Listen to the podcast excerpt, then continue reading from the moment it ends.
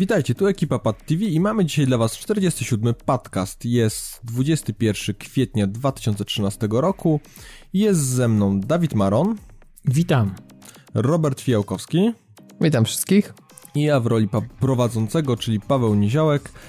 Witam Was serdecznie. E, to co? Co dzisiaj w odcinku zaczniemy? Mm, pogadamy trochę o Kickstarterze, duchowych następcach i remake'ach, czyli o takiej teraz przypadłości w branży growej i nie tylko.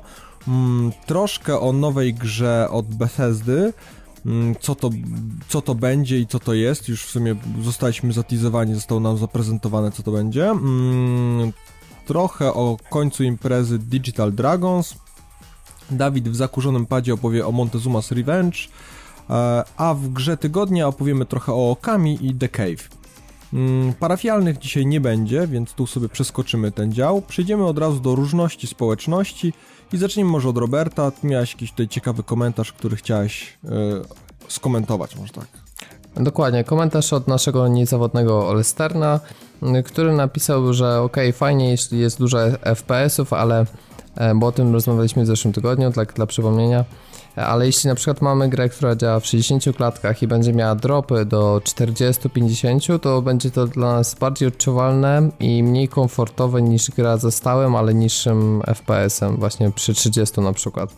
I tutaj muszę powiedzieć, że w pełni się zgadzam i to chyba jest jedna z głównych przyczyn, dlaczego tak mało deweloperów się decyduje na te 60 klatek, bo wydaje mi się, że w spokojniejszych momentach to sporo produkcji spokojnie dałoby radę wyciągnąć, ale kiedy zaczęłyby się ostre zadymy i powiedzmy by spadało do 30 klatek, czyli aż o 30, no to rzeczywiście ta różnica byłaby mega zauważalna i z dwojga złego lepsze jest już te 30 klatek, więc tutaj pełna zgoda absolutnie z mojej strony. No właśnie, ja tutaj też trochę jakoś to, bo to ja wybrałem też sobie komentarz. W sumie czytałem i właśnie tego naszego niezawodnego Lesterna właśnie. Ja mam wrażenie, stary, że ty w ogóle jakimś fanatykiem naszym jesteś i w ogóle, nie wiem, siedzisz na naszej stronie cały czas i tylko piszesz, jak nie to, to, to, ale... Ale, ale ty pisz, żeby się, tak, się tak, obrazić. Tak, nie, nie, pisz, pisz, jak najbardziej tak, dlatego jak widzisz, piszesz na tyle... określenie. Piszesz na tyle sensownie, że wywołujemy to do tablicy, więc to na jest tyle. tak, że to wiesz. Podwójnie, dzisiaj zajczasz dublet po raz dzisiaj, pierwszy dzisiaj w dublet. I ja tutaj też się odniosę do Olesterna i do takiej dyskusji, która tam się wiązała między Olesternem i Olą, więc y, tutaj odnośnie tych FPS-ów, bo y, ja nie wiem, czy dobrze zrozumieliście naszą dyskusję, albo przynajmniej moją wypowiedź, bo mm, ja, ja faktycznie wolałbym 60 y, FPS-ów, ale pod warunkiem, że faktycznie one byłyby stałe i jestem w stanie poświęcić gorszą jakby grafikę na, na, na, na część tych klatek, więc jeżeli mam do wyboru, bym miał do wyboru 60 mm, klatek stałych, pełnych 60, 60 klatek, a za to te doznania graficzne byłyby no, mniejsze niż przy stałych 30, to ja i tak biorę tą płynność 60 klatek, także mm, dziękuję za, za, za tą dyskusję, która tam się odbyła na, na, na blogu i, i to jakby moje odniesienie się do tej dyskusji. Także ja 60 klatek z, z gorszą grafą biorę i tak i tak, także, także tyle w temacie ode mnie. A ja sobie wybrałem komentarz Piotra Świerka. Mm, napisał, że bardzo mu przypadł do gustu temat e, fotografii, który poruszaliśmy w zeszłym tygodniu, że nie tylko samymi grami człowiek żyje i, i że tutaj też ten jakby fotografia cyfrowa w jakiś sposób też nawiązuje do rozrywek cyfrowych, jakim są właśnie gry. I, I tutaj chciałem powiedzieć, że generalnie dziś tam od zawsze staramy się te tematy w jakiś sposób różnicować, wprowadzić trochę o filmach, trochę o muzyce, właśnie trochę o fotografii, o takich naszych y, nie tylko growych pasjach, mm, bo też innymi rzeczami się interesujemy, nie tylko grami. No i na przykład, jeżeli macie jakieś właśnie takie tematy, które gdzieś w jakiś sposób was nurtują, jesteście też ciekawi naszego zdania, czy, czy jesteście zainteresowani, czy nas to też w jakiś sposób pasjonuje, to śmiało komentujcie, śmiało proponujcie jakieś takie właśnie nietypowe tematy. Jeżeli to będzie coś, o czym też będziemy mogli się w jakiś sposób wypowiedzieć, czy do tego w jakiś sposób odnieść, to bardzo chętnie też takie tematy poruszymy i powiemy, co my o tym myślimy, czy jaki jest nasz punkt widzenia na ten temat. Mogą być też erotyczne, ja chętnie też biorę tak? udział w takich tak, tematach. Tak, Dawid wam sprzeda najlepsze pornowe. Ja wam sprzedam najlepsze patenty odnośnie zabawek, feature'ów łóżkowych, ja mam takich gadżetów pełną szafę. To, to więc... chyba nie, nie, nie ten podcast. Ale to możemy co jakiś czas taki robić, tak, takiego e, spin-offa. Jak, jak, ten, jak ten podcast, na który trafiliśmy w tym tygodniu, Horcast, tak? Tak, Też... jest taki Horcast i ja nie wiem, akurat nie zdążyłem tego w ogóle w jakiś sposób zgłębić, ale no widać, jest wzięcie, e, produkt jest potrzebny na rynku, Myślę, więc że to... się przebranżowić. A myślę, ale wiesz, to tak pobudza wyobraźnię, bo jednak nie jesteś stymulowany obrazem, więc musisz, wiesz, wszystko to, co opowiadają sobie wyobrazić. No właśnie, to teraz, no tak, tak, to właśnie. Mamy, no. mamy perspektywę, jak nie pójdzie nam w grach, nie będziemy się rozwijać dalej, to... To, to pójdziemy w jakiś zmieni, erotikon. Zmienimy branżę. Eee... Pat XXX będzie, tak. Dobra, Aerocast, Aerocast. Zamykamy różności społeczności, mm, przejdziemy sobie do tematu tygodnia. No i tak jak ja już zapowiedziałem, mm, pogadamy sobie trochę o tym, co się dzieje generalnie. E, właśnie o, o, całym tym Kickstarterze, całej manii teraz, jeżeli chodzi o Kickstartera. E, tony różnych gier się pojawiają, jest wysyp, moim zdaniem, co drugi artykuł czytam to o jakimś duchowym następcy albo o jakimś remake'u jakiegoś tytułu. No jest tego tak, po... to, jest, to jest mania po prostu. I wszystkie są finansowane, można powiedzieć, tak, bo tak. to nie jest tak, że, że trafia 30 projektów i z tego finansowany jest jeden, tylko nie, po prostu każdy projekt, który teraz trafia, jedne to, to robią w dwa dni, jak na przykład y, duchowy spadkobierca Tormenta, inne potrzebują tego, wiesz, prawie 30 i tak ledwo się łapią, ale rzeczywiście jest tego po prostu zatrzęsienie. No w zeszłym ja to w ogóle uważam, że to jakaś choroba taka się zrobiła, wiecie, że, że, że wszystko najlepiej na Kickstartera, mimo tego, że w wielu, tak jak przyglądam się tym tematom niektórych, nie śledzę specjalnie Kickstartera, więc nie będę tutaj jakoś brylował w temacie, ale jak się przypatruję tym takim rzeczom, to Wpada teraz absolutnie tam wszystko. Czy ktoś ma pieniądze, czy ktoś nie ma pieniędzy. To jest świetne miejsce, żeby zdobyć trochę kapuchy.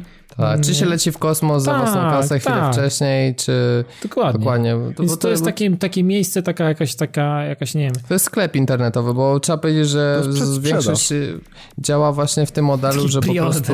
No, e, dokładnie. Wiedział. Żeby wiedział, preorderujesz no, no, grę, która jeszcze nie powstała w tym momencie. Dokładnie, dlatego, że większość z tych e, fundujących, takich nazwijmy, to po prostu płaci te 30 dolarów, czasami jest na przykład niższa cena o, te, o 5 dolarów. Oni płacą dostają w dniu premiery cyfrową kopię, czasami jakiś soundtrack, tam coś jeszcze, jakiś materiał, artworki na skrzynkę mailową i już, no. I tak to się kręci, więc Kickstarter robi się taki sklep, więc y, ten cały projekt odnośnie tego, że ludzie, którzy będą swoje fantastyczne pomysły, nie, to jest jedna wielka machina marketingowa. Tutaj do perfekcji to właśnie opanował ten koleś, który nazywa się Brian Fargo, który e, który stworzył jakby dwa projekty, które są jedne z najlepiej tam funkcjonujących, czyli Wasteland 2 i e, ostatnio wyleciał z Tormentem, czyli jakby drugi Kickstarter, a gdzie jeszcze nie zrobił tej pierwszej gry. Łącznie zebrał 7 milionów dolarów, kupę kasy. No a ta jego firma, jak się tak przyjrzy, to szczerze mówiąc jakoś nie bryluje i ja nie... Jasne, owszem, ten koleś pracował no, przy, przy Wasteland, przy Falloutie.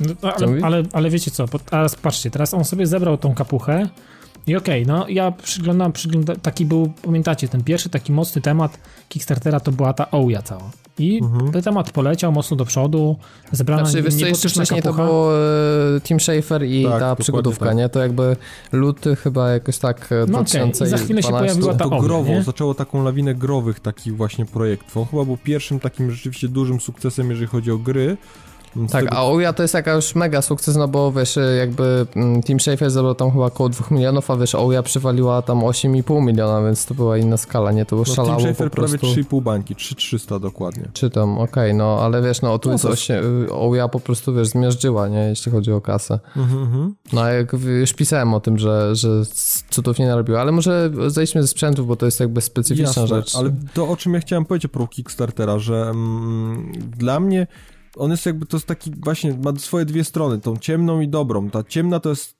problem niestety taki, że, że większość deweloperów tych starszej daty, zamiast zabrać się za jakiś ciekawy, nowy tytuł, projekt, mają potencjał, robili dobre gry kiedyś i mogliby teraz naprawdę coś ciekawego zaproponować, bo mają doświadczenie, umiejętności w ogóle, to zabierają się za przetwarzanie tego, co już kiedyś zrobili. Teraz będzie remake Flashbacka, e, jakiś właśnie... Znaczy no, to akurat nie wylądowało na Kickstarterze jakimś tak? cudem, nie? nie a, to widzisz, no to wyda a wydawało mi się, byłem święcie, no widzisz... Nie, bo to Ubisoft nie, nie, to jest Ubi, tak, to, to widzisz, to przepraszam, no ale widzisz, teraz tych projektów jest tyle, że po prostu tony jakichś właśnie takich tytułów... No teraz w ogóle, jak coś nowego temu, się pojawi, to temu, od razu Kickstarter No dokładnie, a czy wiesz, powiem tak, z jednej strony mm, to właśnie dla mnie to ma tą, tą złą stronę, że trochę rozleniwia, rozleniwia deweloperów, że, że, że w taki sposób próbują, mówię głównie o tych takich właśnie odgrzewaniu starych kotlecików, mm, ale z drugiej strony mm, też Kickstarter ma bardzo dobrą swoją taką stronę, a chodzi mianowicie o to, że, że umożliwia mniejszym twórcom, czy też y, ludziom, którzy na przykład chcą coś zrobić, ale nie mają możliwości finansowych,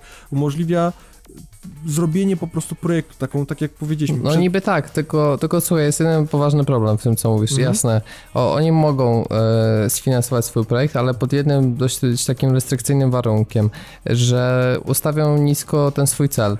E, z tego, co ja patrzę, to naprawdę sporo jest finansowanych takich gier, które możemy oznaczyć jako indie, czy takie arcade'ówki, które często są bardzo proste, ale mają jakiś tam pomysł, czy wyróżniają się oprawą, tylko one na przykład zbierają, wiesz, tak po 30-50 tysięcy dolarów i o nich się tak nie mówi. Ale przygotowanie kampanii marketingowej na Kickstartera przy tych największych tytułach wydaje mi się, że kosztuje naprawdę sporo kasy, co oczywiście potem się zwraca, ale nie zdziwiłbym się, żeby trzeba było na przykład 100 czy 200 tysięcy dolarów wybolić, żeby fajnie się zareklamować na Kickstarterze. Jasne. A bez tego taki twórca dzisiaj nie ma po prostu szans zebrać e, po prostu kasy na, na, na grę, Ale tak mi się wydaje, co, że ciężko. Powiem ci tak, no bo jest mnóstwo tych projektów, bo też trzeba pamiętać, że Kickstarter, bo wielu są Kickstarter jeżeli chodzi o graczy, kojarzy się głównie z grami, a tam są właśnie sprzęty, e, projekty nie tylko growe, różne muzyczne, figurkowe, książkowe, komiksy, no wszystko. Ale growe chyba z tego co wiem teraz najwięcej zarabiają. No tak, ale na przykład nie wiem, ja jestem dużym fanem, teraz powiem na, na przykładzie właśnie tego, co, co gdzieś tam śledziłem, przy taki Kickstarter, który bardzo mocno mnie ostatnio interesował. Byłem swojego czasu bardzo dużym fanem Warzona, gry figurkowej i teraz zrobili goście mm, z Frobos, tak? Prodos Games zrobili, y, jakby wiesz, wskrzesili po prostu markę, dostali licencję, robią własne figurki i ich na przykład pułap do, do uruchomienia Kickstartera to było 35 tysięcy funtów, czyli bardzo nisko moim zdaniem, szczerze mówiąc. No właśnie, no dużo jest takich projektów, o, o tych się aż tak nie mówi, ale... ale nie, no właśnie i, i, i, to, i to, to, są, to są moim zdaniem bardzo dobre projekty, bo na przykład ci twórcy, czy to właśnie growi, czy figurkowi, czy jakikolwiek inna rzecz, inną, inną rzecz się zabierają, nie byliby w stanie tego stworzyć, no bo mieli pomysł, mieli na przykład możliwość załatwienia licencji, ale nie, nie wiedzieli, ile osób będzie tym tematem zainteresowanych.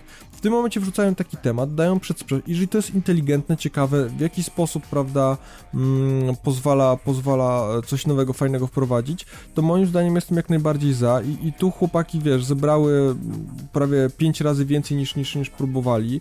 Więc to też, też, ma, też ma potencjał. No dla mnie, dla mnie Kickstarter, tak jak mówiłem, ma swoją dobrą i złą stronę. Ta zła to, że niestety często rozleniwia twórców, a, a, a ta lepsza to, to że jest, no, jest możliwość. A, a, słuchaj, ale ja może teraz się pobawię mhm. w adwokata diabła, bo tak e, okej, okay, generalnie deweloperzy są rozleniwieni, mogliby stworzyć coś nowego, ale powiedz, kiedy ostatnio wyszła jakaś fajna gra RPG z rzutem izometrycznym, która by mocno nawiązywała do czasu właśnie Baldura, Icewind Dale, gdzie byłoby nastawienie na drużynę, gdzie walka byłaby może taka spokojniejsza, nie wiem, albo turowa, albo taka z aktywną pauzą i wydawaniem poleceń dla drużyny. Mówimy teraz o duchowym następcy Tormenta, czy o Planescape Nie, ja mówię na przykład Eternity. o Project Eternity, załóżmy, mm -hmm. ale ogólnie pytanie, no nie powstało za dużo takich gier. Ale je, I dlaczego? Ja no co, coś w tym jest, że wydawcy nie chcą finansować takich gier, nie, więc tutaj się. też trochę na, na obronę jakby. Ja nie wiem, czegoś, czy czegoś się mogą bać, no bo tak ale tak naprawdę to... to są widać jak ty, bo wiecie, ja, ja kiedyś patrzę, jak pamiętam jak starter, starter, Kickstarter startował i odpalała się w ogóle cała ta, ten crowdfunding cały, to wydawało mi się, że to będzie fajne miejsce dla ludzi, którzy mają fajne pomysły, a nie mają zaplecza finansowego i, I nie stoi za nimi żaden, żaden, żaden y, finansowy moloch. A teraz okazuje się, że no tak to średnio wygląda, bo to no, Obsidian, albo... mówmy się, nie jest firmą, która nie byłaby w stanie o własnych Dokładnie, siłach, więc wiesz... pojawiają się ludzie, którzy mają pieniądze, mają zaplecze, stoją za nimi, nie wiem, może nie korporacje, ale, ale duże, stabilne Słuchaj, ta, przedsiębiorstwa. Ta gra i tak nie będzie miała wydawcy, ona po prostu trafi, wiesz, okay. nie wiem, na, ja to do rozumiem. Steama, cyfrowa tylko, dystrybucja, tylko właśnie, więc widzisz, oni, ma... sami mogliby to zrobić, nie właśnie. muszą mieć wydawcy znaczy, do tego. Co, powiem ci tak, no, jeżeli masz perspektywę tego, że oni na przykład tego takiego tytułu nie wydadzą, bo jest to zbyt duże ryzyko finansowe dla firmy, a mają mają możliwość y, zorganizować to w ramach właśnie crowdfundingu, crowdfundingu e, a ludzie chcą to kupić, bo jak widać po, po, po osiągnięciu, wiesz, przekroczeniu swojego celu ponad, no trzykrotnie przekroczyli, prawie nawet ponad trzykrotnie. A mówisz o Eternity, tak? Tak, o, e, o Project Eternity. To wiesz, oni w tym momencie mają pewność, że ludzie to kupią, a po prostu ludzie już to kupili no. od nich. To nie jest, że No, widzisz, no, ale te jełopy z tych korporacji chyba się przyglądają takim ruchom, tak? Ale I wiesz, ogarniają takie rzeczy i Ale widzą, nie, nie, że nie. jeżeli, To jest jeżeli Obsidian, ktoś... słuchaj, oni, oni zrobili, wiesz, oni na pewno zarobili, chociażby robiąc dla Bethesdy Fallouta New Vegas, oni, y, bo oni mówią tak, że nie zrobiliśmy tej gry, dlatego, że wydawcy nie chcieli dać nam na to kasy. Ale to No właśnie... Okej, a- ale co, myślisz, że oni nie byliby sta, sami, w stanie Pewnie, że sami sfinansować? Pewnie, Wiesz że byliby. Powiem ci Tylko tak, teraz zastanawiam się, e, patrz, teraz przychodzą ludzie, którzy mają hajs, mają zaplecze i teraz jak, jak, w jakiej, jaka konfrontacja tych ludzi, tych, którzy, nie wiem, mają fajny pomysł, a potrzebują po prostu finansów, żeby to zrealizować i potrzebują, nie wiem, ma- mają grupę ludzi, są to zapaleńcy, jacyś, jacyś fanatycy nawet. Nie mają kas, nie ma doświadczenia nie ma kasy marketingu, bo doświadczenia, są po, no bo są, właśnie... nie, nie znają się na tym, nie mają po prostu Dokładnie. takiego doświadczenia, nie mają takiej wiedzy, nie znają się na tym, ale chcą zrobić fajną grę, mają wiedzę, mają jakieś, jakieś doświadczenie w, w temacie, nie wiem, programistycznym, animatorzy, graficy, cokolwiek, ale potrzebne są pieniądze, żeby to stworzyć, bo oni muszą z czegoś żyć, nie wiem, porzucić chociażby obecne zajęcia, a zająć się czymś, żeby odnieść jakiś sukces. I teraz generalnie, jak oni się mają do tego, w jakiej konfrontacji po prostu to, to, to się, wiesz, ma... ma Zobaczmy, też no jak jesteśmy próbować. za przeproszeniem No. zasrani tymi newsami odnośnie e, tych duchowych spadkobierców i te największe projekty, dosłownie, wiesz, każdy tydzień to jest, nie wiem, kolejny na 3-4 newsy. No no, no i kolejny projekt. I to zobacz, y, już tego można powiedzieć mamy przesyt. A gdzie jakiś portal newsowy informował o tym, że jakiś e, jeden pojedynczy koleś wpadł na mega pomysł i e, fajnie byłoby sfinansować taką grę? Nie, mówi się cały czas o tych największych, wraca wiesz, się do tych znanych jest marek. wina tak, za którymi stoi nazwisko, tak? Przede To nie, jest też. wina, to nie jest wina w tym momencie Kickstartera, tylko tego, że na przykład media takimi rzeczami się nie interesują. Nie, nie, nie, Paweł, to jest wina No ale- Kickstartera. Bo słuchaj, Kickstarter jest powinien nie dopuszczać takich rzeczy. Słuchaj, wiesz, dla Kickstartera największy hajs jest na, na tych projektach, które są naj, najlepiej sfinansowane, No, bo oni jadą na procentowej procent. no, prowizji. No dokładnie tak, więc, a czy nie, powiem ci tak, no, Więc im zależy na, na promowaniu największych projektów, a nie tych drobnych, no.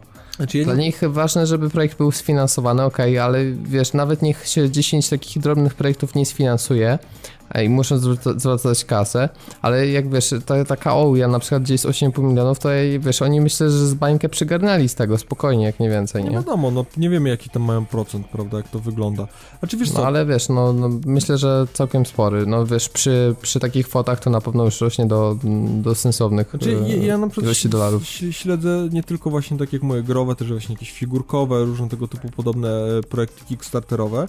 I powiem Ci szczerze, że bardzo dużo takich pomniejszych, naprawdę, o których się dużo nie mówi, bo, bo są też, myślę, że jest wiele portali mniejszych, takich bardziej właśnie indie, które wspominają o tych ni- niedużych tytułach, które gdzieś tam się finansują i które potrzebują na przykład 3000 dolarów, prawda, albo jakieś trochę większe kwoty, mm, a nie niekoniecznie miliony.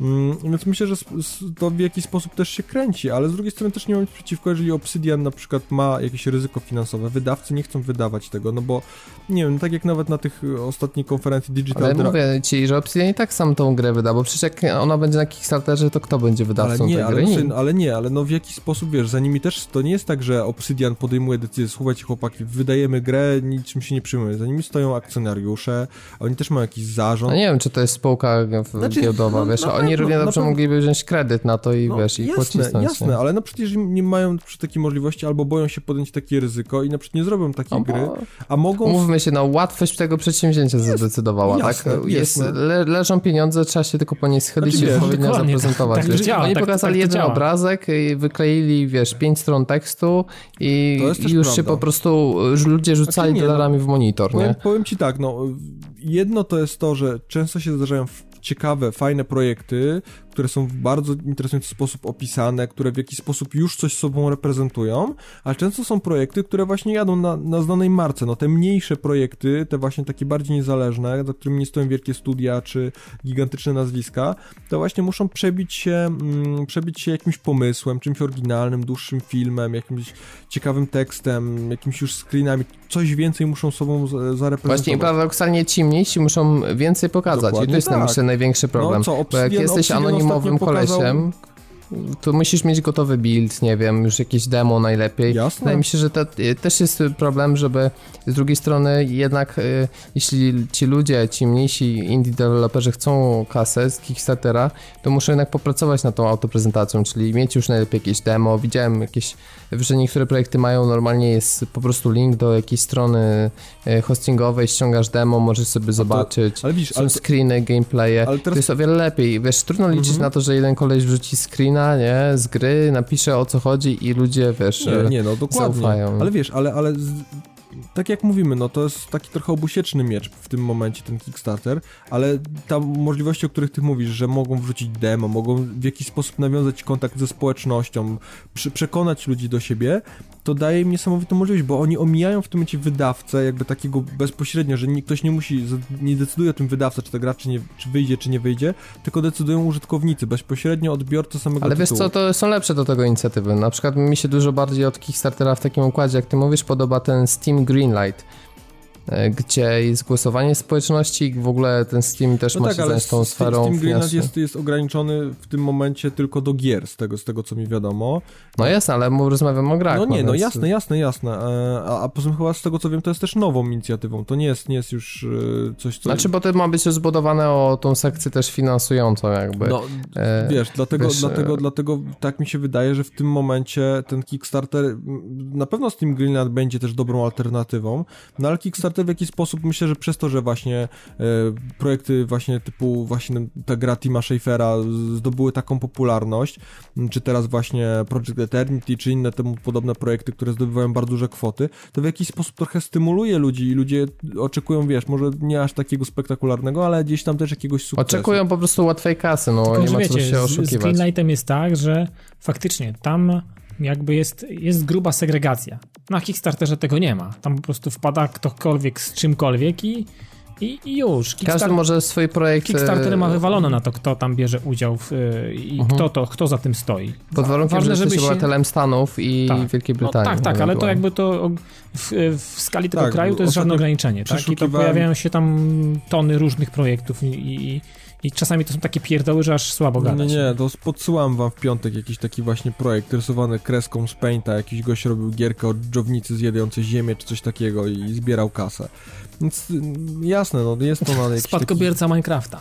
Jest jeszcze jeden problem, słuchajcie, wiesz, owszem, brakuje takich RPGów z rzutem izometrycznym, tak jak mówiłem na początku, Mhm. ale teraz tych projektów właśnie tego typu powstało tyle, bo przecież właśnie następca Tormenta, Wasteland, e, e, Project Eternity, widziałem jakiś Divinity, czy Ale jak wiesz to się jak to tam działa? czyta. Wiesz na jaki to jest... Teraz wszyscy będą, to będzie tak samo jak z Falowo. FPS-ami, I do wszyscy do na drugą To będzie wojnę. do zażygu. Za, za, za rok, dwa będziemy już żygać tym. Nie, Tak, dokładnie, bo, bo była akcja, roku- że, że druga wojna się przejadła, to teraz walimy współczesność i teraz już dostajemy, nie wiem, cała ta generacja to jest współczesność, ja już po prostu Ja mam już dosyć i chciałbym drugą wojnę światową No. znowu, ale nie, bo teraz jest taka moda co, i to ciśniemy. Nawet nie, nie? ja- jakikolwiek inny konflikt, tak? Po prostu Ale nie, nie, nawet nie, jakiś, nie wiem, Cold War czy jakieś cokolwiek, Desert Storm.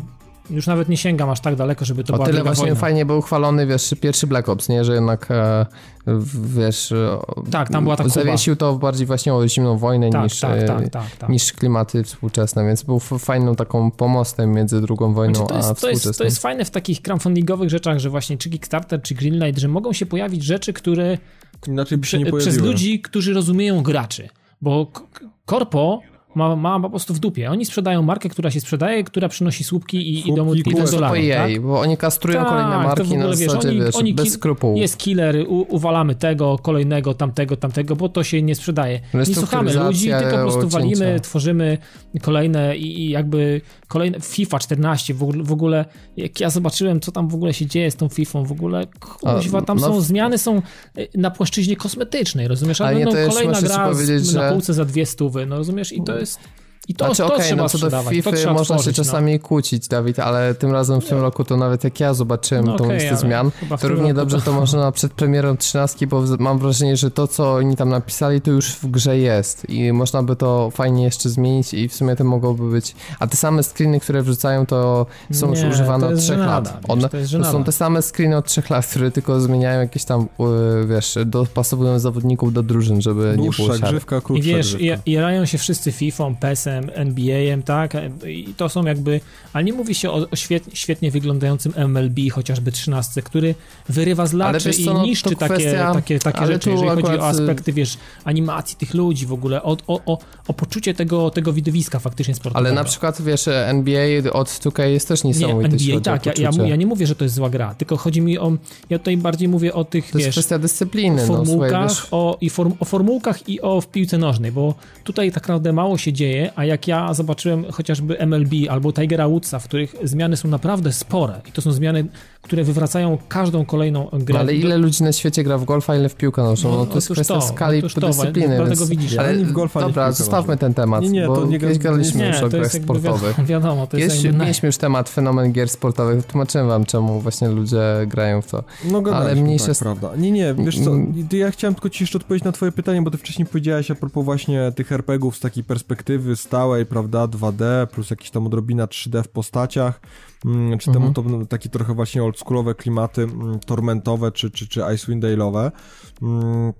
Dlaczego tego jest mało? To właśnie teraz po, po, po tych e, konferencji Digital Dragons mm, fragment w sumie widziałem, nie widziałem całego tego, tej, tej wypowiedzi, bo, bo jakoś tak nie miałem za bardzo na to czasu, mm, ale Chmielarz bardzo, bardzo ciekawy właśnie powiedział, że, że był taki moment, że mm, ludzie w bardzo taki mocny sposób się zachłysnęli tym 3D, że wszystko musi być 3D, wszystko musi być właśnie takie, zresztą nawet gdzieś tam w vlogu poruszałem, że, że jest takie zachłyśnięcie tą technologią, że wszystko musi być jak najbardziej wypasione, jak najbardziej, wiesz, wyżynać ten sprzęt do granic możliwości, bo no bo przecież bez sensu jest robić grę 2D, jeżeli sprzęt umożliwia robienie 3D i w ogóle, wiesz, w stereo i w ogóle w 3D, cuda na kijów, możliwości na cztery monitory. Wiesz, wiesz do czego zmierzam, że po prostu... Mm, ale to jest taki mit, wiesz, to się po prostu sprzedaje. Jasne, Mówi się nie, ludziom takie coś i to tak, wiesz, nie, no ale, to jak słuchacze, ale, ale nie wiem, Radia Maryja, no i też nie, tam ludzie, słuchają ludzie coś też, i wierzą w to, co się do nich mówi, no. Ludzie też w taki sposób trochę niestety na rynek postrzegają, wiesz, jeżeli gra na przykład y, nie ma jakichś tam drastycznych zmian graficznych, to od razu jest, że a, to bo to jest ten sam kotlet. I dlatego myślę, że wielu wydawców się bało takich projektów właśnie jak ten Project Eternity i wrzucając go na Kickstartera w jakiś sposób też pokazali, udowodnili, mm, że takie projekty, ludzie czegoś takiego chcą, ludzie chcą jakiegoś takiego trochę powrotu. Znaczy okej, okay, wiem, że jest chęć na, na old school taki, znaczy, okay. no... jeśli, to, jeśli to pobudzi, wiesz, e, rynek e, klasycznych przygodówek i rynek klasycznych RPGów, to super, okej, okay. tylko niech najpierw wejdą te gry? I niech one się okażą fajne, a potem będziemy skórować, czy to było dobrze nie. dla rynku, czy no, nie. No na razie z Bo teraz to okej, okay, gra się zapowiada fajnie. Nie, no to widzieliśmy tylko kawałek, wiesz, filmiku z, z, z pokazaniem, jak będzie działał silnik i jak to wygląda w 2D. Widzieliśmy gameplay Wasteland i widzieliśmy dosłownie mikrofragmenty świata Project Eternity, a z Tormenta jeszcze nic nie ma, więc... Z Tormenta jakiś tam art był tylko. A te gry mają być w 2014 roku, część z nich pod koniec, więc to rzeczywiście no musi wyjść. No, A ten z Double Fine, myślę, że... kiedy ma wyjść? E, w tym roku chyba, ale też może być jakaś obsuwa, to zresztą zobaczymy. Mhm. Znaczy, Także... ja, ja generalnie powiem tak, ja na Kickstartera mam, mam w dupie Kickstartera. Na razie nic dobrego z Kickstartera nie pokazało się i niespecjalnie... Znaczy no FTL powiedzmy, który był częściowo no, tak, sfinansowany. Ale to no. jeden na milion. Znaczy mi się wydaje, że to jest taka, że gra była skończona już ja nie bez wiem, Kickstartera. Ja nie wiem, czy Kickstarter w ogóle pożyje tak naprawdę jeszcze, jeszcze dosyć nie, długo. Myślę, że wrażenie, że, myślę, że Kickstarter, Kickstarter zrobi Gry się... go zweryfikują. Zrobi, ja się, myślę, zrobi wiesz, się konkretne szambo i Kickstarter się sam utopi. Znaczy nie, wiesz, tak ale ja, ja myślę, że przesadzasz trochę, no bo nie zobacz, jak ja na przykład jestem taki gościem, tak który sfinansował, e, załóżmy, właśnie takiego RPGa, no to jeśli na przykład ta gra się okaże super i to rzeczywiście będzie, nie wiem, spełnienie moich marzeń, czy e, powrót wspomnień z dzieciństwa, kiedy grałem w takie gry, no to stwierdzę, kurczę, fajny ten Kickstarter, może sobie jakąś inną grę też sfinansuje. A jak się okaże, że będzie tragedia i to krap i po prostu no ale wiesz, jedna jaskółka wiosny nie czyni, takie jest moje zdanie. Na znaczy temat. nie, słuchajcie, mi się wydaje, że za jakiś czas, bo teraz mamy wysyp takich właśnie projektów, opis i jeden screen i już gra zarabia miliony, prawda? Jeszcze nie wiadomo do końca co będzie, już... Hype już... z dupy. No tak mówię, ludzie rzucają pieniądze w monitor dla, po prostu. No. Dlatego właśnie myślę, że za jakiś czas zobaczymy, wiesz, to jest jeszcze trochę za mało czasu upłynęło, żeby zobaczyć, jak te projekty rzeczywiście będą wyglądały, no bo te większe tytuły, o których my tu teraz rozmawiamy, to jakiś czas muszą powstawać, to nie, to nie dzieje się z miesiąca na miesiąc, więc oni potrzebują czasu. Tak, jest jeszcze jeden strasznie taki kiepski e, chwyt marketingowy, nie wiem, czy zauważyliście. Są robione tak zwane tiery, że e, kiedy gra osiąga na Tak, przykład, pułapy. powiedzmy, jest już grubo ponad kreskę, ponad na przykład 900 tysięcy, jaki jest ustawiony cel, no to jak sfinansuje się 1,5 miliona, to dodamy na przykład więcej NPC-ów. Tutaj dodamy całkowicie nową lokację. Tutaj, nie wiem, nagramy więcej dialogów. Tutaj zwiększymy, dodamy umiejętności i nie wiem, będzie więcej drzewek i tak dalej, i tak dalej. I ludzie strasznie dają się właśnie też na pinka, a to powinno być już, wiesz, to powinno być już standardzie założenia, że na przykład gry RPG będą miały rozbudowane talenty, a to jest w taki sposób zrobione, że no ludzie idealnie dają złapać się na ten Znaczy, haczyk wiesz, nie i zawsze, jeszcze nie zawsze to bardziej jest się nakręcają. słabe, y, tak jak mówisz, w przypadkach takich gier to jest y, nie, nie do końca ciekawie rozwiązane, ale na przykład wiesz, jest, są projekty, że nie wiem, goście robią właśnie coś takiego bardziej fizycznego. Będę się odwołał do tych figurek, bo ten temat ostatnio... No wiesz, no ja w ogóle nie siedzę w tym Ale temacie, więc ja oceniam dla- tylko wyłącznie nie, gry. mówię, no. ale na przykład wiesz, też zrobili na przykład właśnie, wiesz, a propos tego Warzona, mm, że na przykład, nie wiem, wydali tyle armii, bo na tyle armii im to starczyło, prawda, na wydanie trzech armii, tworzenie projektów figurek. Jeżeli ludzie zrobią kolejny pułap, no to oni dadzą kolejną armię. Kolejny pułap, no to kolejną armię, jeszcze tam jakieś dodatkowe pojazdy. Więc to jest w takich sytuacjach logiczne, prawda? Mm, tylko w takich sytuacjach rzeczywiście, jak mówimy o grach i wyciąganie kasy, no tak jak, tak jak ze wszystkim będzie, no tam zawsze gdzieś próbują trochę przyciąć więcej pieniędzy, ale do czego ja zmierzam, bo nie skończyłem w sumie tego wątku, o czym, o czym mówiłem, że za jakiś czas myślę, że użytkownicy Kickstartera, no bo tutaj ludzie decydują o tym, czy dany projekt odnosi sukces, czy nie odnosi. Mm, jak wyjdą te wszystkie takie najbardziej hypowane tytuły właśnie, Eternity, y, ten od Tima Schafera, y, nowy Torment, y, czy Wasteland 2, jak to wszystko powyłazi i, jak to się ukaże na przykład sukcesem, no to wtedy takie tytuły dalej będą miały rację bytu. Jeżeli to się okaże totalnym krapem, to y, ludzie się wycwanią, czy wycwają, no biorą po prostu doświadczenia i będą teraz szukali tytułów bardziej tych niezależnych, które pokazują więcej, czyli pokazują jakieś na przykład właśnie demo, tak jak powiedziałeś, coś, co ludzie w jakiś bardziej namacalny sposób mogą sprawdzić, a nie zobaczyć jeden obrazek i mydlenie oczu. Właśnie i rzucają się hapłem, dlatego ja, nie wiem jakie jest się, wasze zdanie, ale ja... Kickstartera za jakiś czas, że to nie będzie działało na no. zasadzie takiego, wiesz, hypowania się jakimiś samymi nazwiskami, firmami czy pomysłami na tytuły, tylko bardziej tu będą ludzie już prezentowali to, bo teraz przyszła taka pierwsza fala, prawda? Zachłysnęliśmy się tym pomysłem, idea genialna. mm, Znaczy wiesz, trzeba powiedzieć, że Kickstarter nie istnieje od roku, tak? Tylko to Nie, jest po jasne. prostu właśnie dzięki e, hype'owi, jaki e, zgromadził się wokół gier, w ogóle jakby Kickstarter na nowo się narodził, można powiedzieć. Bo Jasne. wcześniej był takim dosyć niszowym portalem, gdzie te projekty myślę, że były do takiego kształtu za jakiś czas wróci, jeżeli na przykład te duże tytuły okażą się umiarkowanymi Krapami. Tak, no kto wie, On będzie dalej czy to byłoby istniał, źle, myślę, że to byłoby dobrze. Ja nie wiem jak wy, ale ja jestem na takie, takie mam zdanie, że ja ni nigdy nie kupuję kota w worku. E, owszem, ja mogę się zajarać jakąś grą i kupić ją, ale w dniu premiery. Owszem, mogę złożyć preorder czasami, ale na jakieś gry w pudełku, ale nie, nie będzie to tak, że, że ktoś mi wrzuca screena i ja od razu kupuję grę. Nie, no to to jest Na słabe. to nie pójdę nigdy. To, to jest No to ja mam tak samo. Ja, w, ja muszę, e, muszę dokładnie wiedzieć. No chyba, że to jest, wiecie, to jest jakaś, jakaś taka marka, która w jakiś sposób. e, No, ale to też nie gwarantuje jest mi znana. sukcesu. To- Słuchajcie, wiesz, To też nie zawsze może no, być. to też nie tak zawsze jak z tą tak. Owią, będzie tylko, załóżmy, że będzie gra. Na przykład e, będzie, będą już opóźnienia, będą chcieli koniecznie e, dotrzymać tego te, terminu premiery, który był ustawiony w projekcie na Kickstarterze i na przykład wydadzą grę, która będzie miała mega dużo błędów. I będzie strasznie zabugowana, będzie się nią kiepsko grało, będzie się zawieszać i będzie powiedziano, ok, no to Kickstarterowcy już grają, a my dla ludzi, którzy kupują naszą grę jak już tak w normalnej, wolnej sprzedaży, no to już będzie gotowy patch. I w tym momencie, jak wiesz, jesteś jakim Kickstarterowcem, no to dostajesz, wiesz, jesteś jak beta tester, kupiłeś sobie dostęp do beta No, tak testu. to trochę wygląda Tak, było, tak to z Owią wyszło, więc yy, wcale nie byłbym zdziwiony, gdyby z grami się okazało podobnie. No różnie to więc może to być. kolejny argument, żeby poczekać i być ostrożny. Owszem, super, że następca duchowy Tormenta, ale to studio, jak mówię, nie ma większych, oni już robili parę duchowych następców z różnym skutkiem, więc y, to studio In Exile Entertainment, więc ja jestem w, akurat a propos nich bardzo sceptyczny. No i dobrze. I krzyż na drogę tym wszystkim, co tam wystartowali. Niech im się uda. Ja nie mówię, że nie, ale na razie to Oby wyszły wreszcie fajne gry. No ja czekam, czekam na pewno na te gry, ale niech, niech Fajnie, gdyby to się okazało, dopracują. wiecie, miejsce dla naprawdę dobrych pomysłów i żeby, a, korpo niech sobie trzaskają. E, Battlefieldy, Dead Space, e, Co Call of Duty. Nikt, Space'a do, Ale wiesz co, ja, ja chciałem jeszcze no, tak zep- powiedzieć zep- a propos... Zepsute są te rzeczy według mnie. One się, nic się w tych rzeczach nie dzieje. No. W tych rzeczach Ale nic dobra, nie no dzieje. już One są nie do Dead one są do no. znudzenia już. Nie można w to grać już dłużej. Po prostu mi się nie chce w to Można. grać. Mi się w Można. to już nie, ale no mi się już nie chce.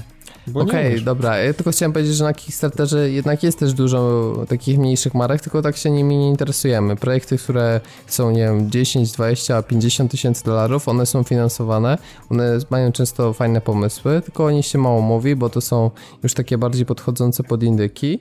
I myślę, że czasami może być taka sytuacja, Dawid, że będziesz grał w jakiegoś indyka, nawet nie będziesz wiedział, że e, jakby część produkcji została sfinansowana na Kickstarterze, bo to jest możliwe. Także. E, To nie jest tak, że jest teraz tylko korpo. Oni wiesz, e, zawładnęli takim przekazem marketingowym Kickstartera, ale cały czas jest miejsce na też mniejsze projekty, tylko niestety mało kto chce o nich mówić, więc zachęcam wszystkich, żeby czasami sobie wejść na Kickstartera i olać te wszystkie największe, które rzeczywiście tam po kilka milionów i przypatrzeć się właśnie grom, które e, na przykład chcą właśnie mniej kasy, które zostały już sfinansowane i, i chciały niedużo, bo jeśli chodzi o tych małych deweloperów, to mimo wszystko e, sporej części się to udaje, bo większość projektów na Kickstarterze jest finansowana, także to jest ten plus. A to teraz ja mam taki właśnie na, na koniec, to a propos tego, co powiedzieć, to wiesz, mi się wydaje, że to, że nawet czasami większe studia uderzają na Kickstartera, to właśnie to może być forma, ta próba wyrwania się spod tych takich właśnie rządów korporacyjnych, że duzi wydawcy... Nie, no co ty, tak naprawdę tak to jest być. na korzyść korpo, Jasne, ale- wiesz, ale- ja jestem, i słuchaj, EA zrobi akcję taką, wiesz, oni się przygotują mega i wiadą, na,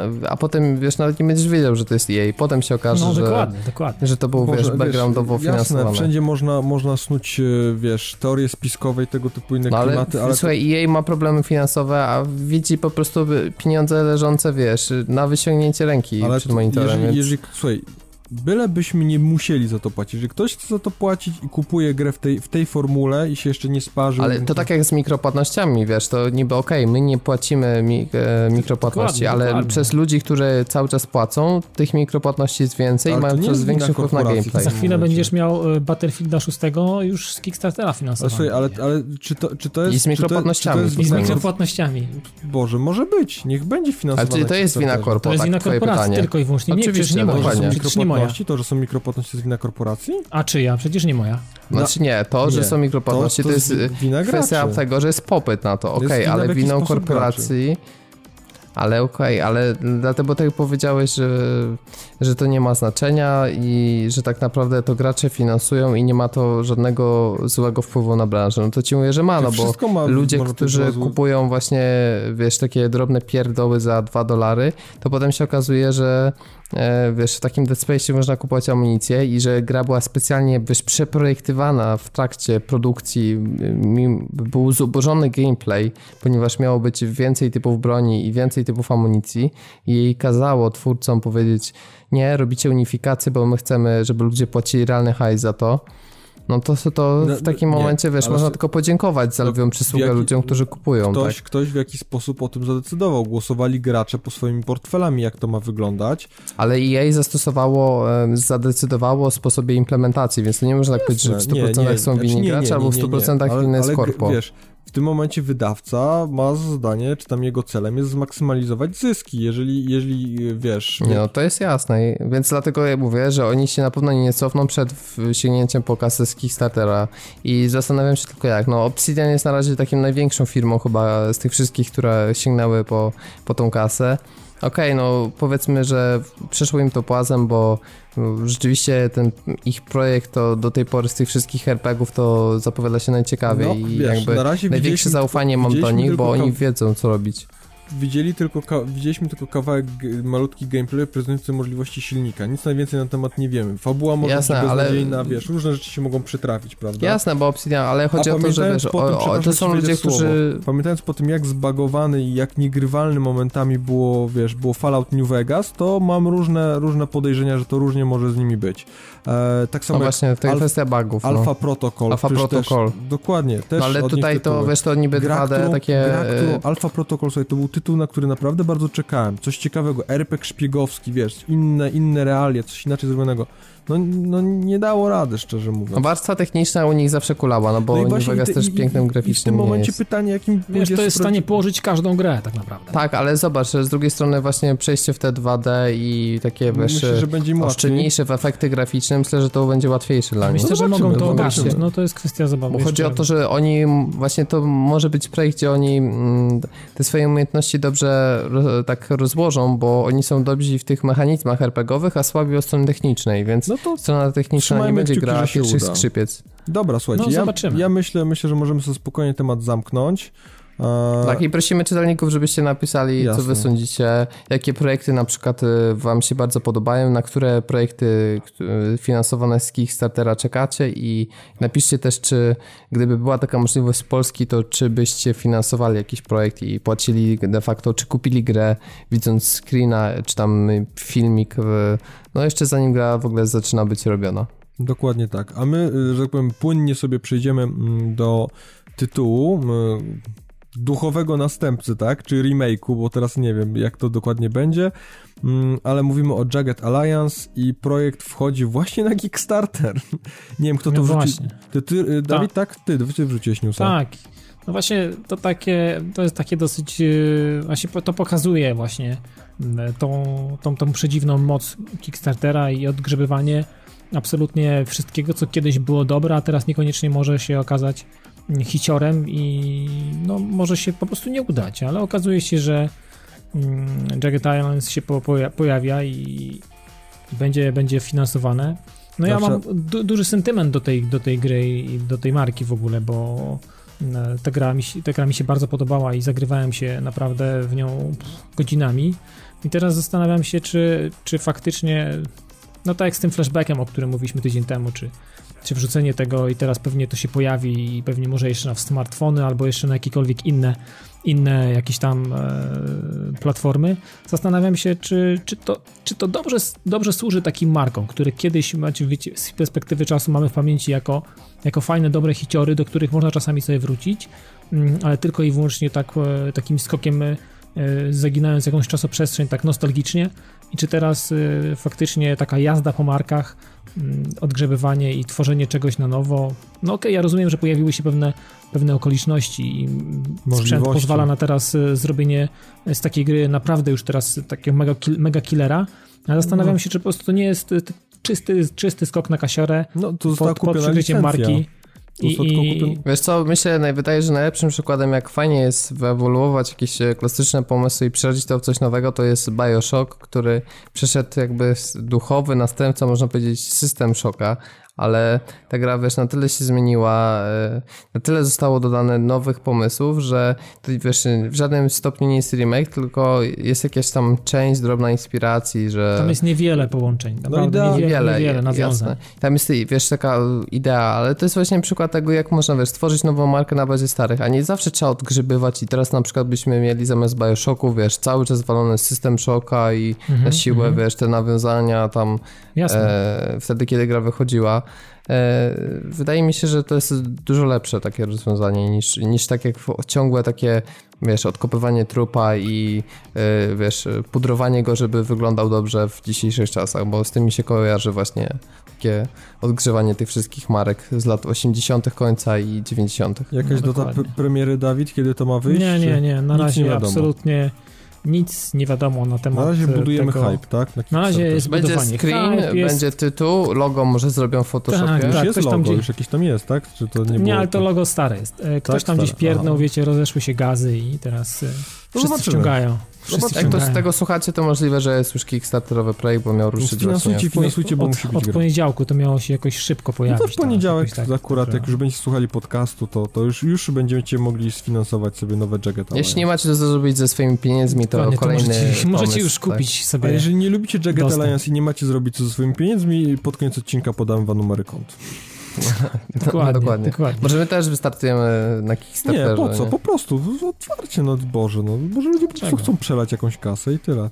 Dokładnie. I po prostu chcą No, Paweł, nam... walniesz jakąś fajną grafę, to nieważne tam wiesz, Screena będzie zrobimy, zrobimy screena, nie ma najmniejszego problemu.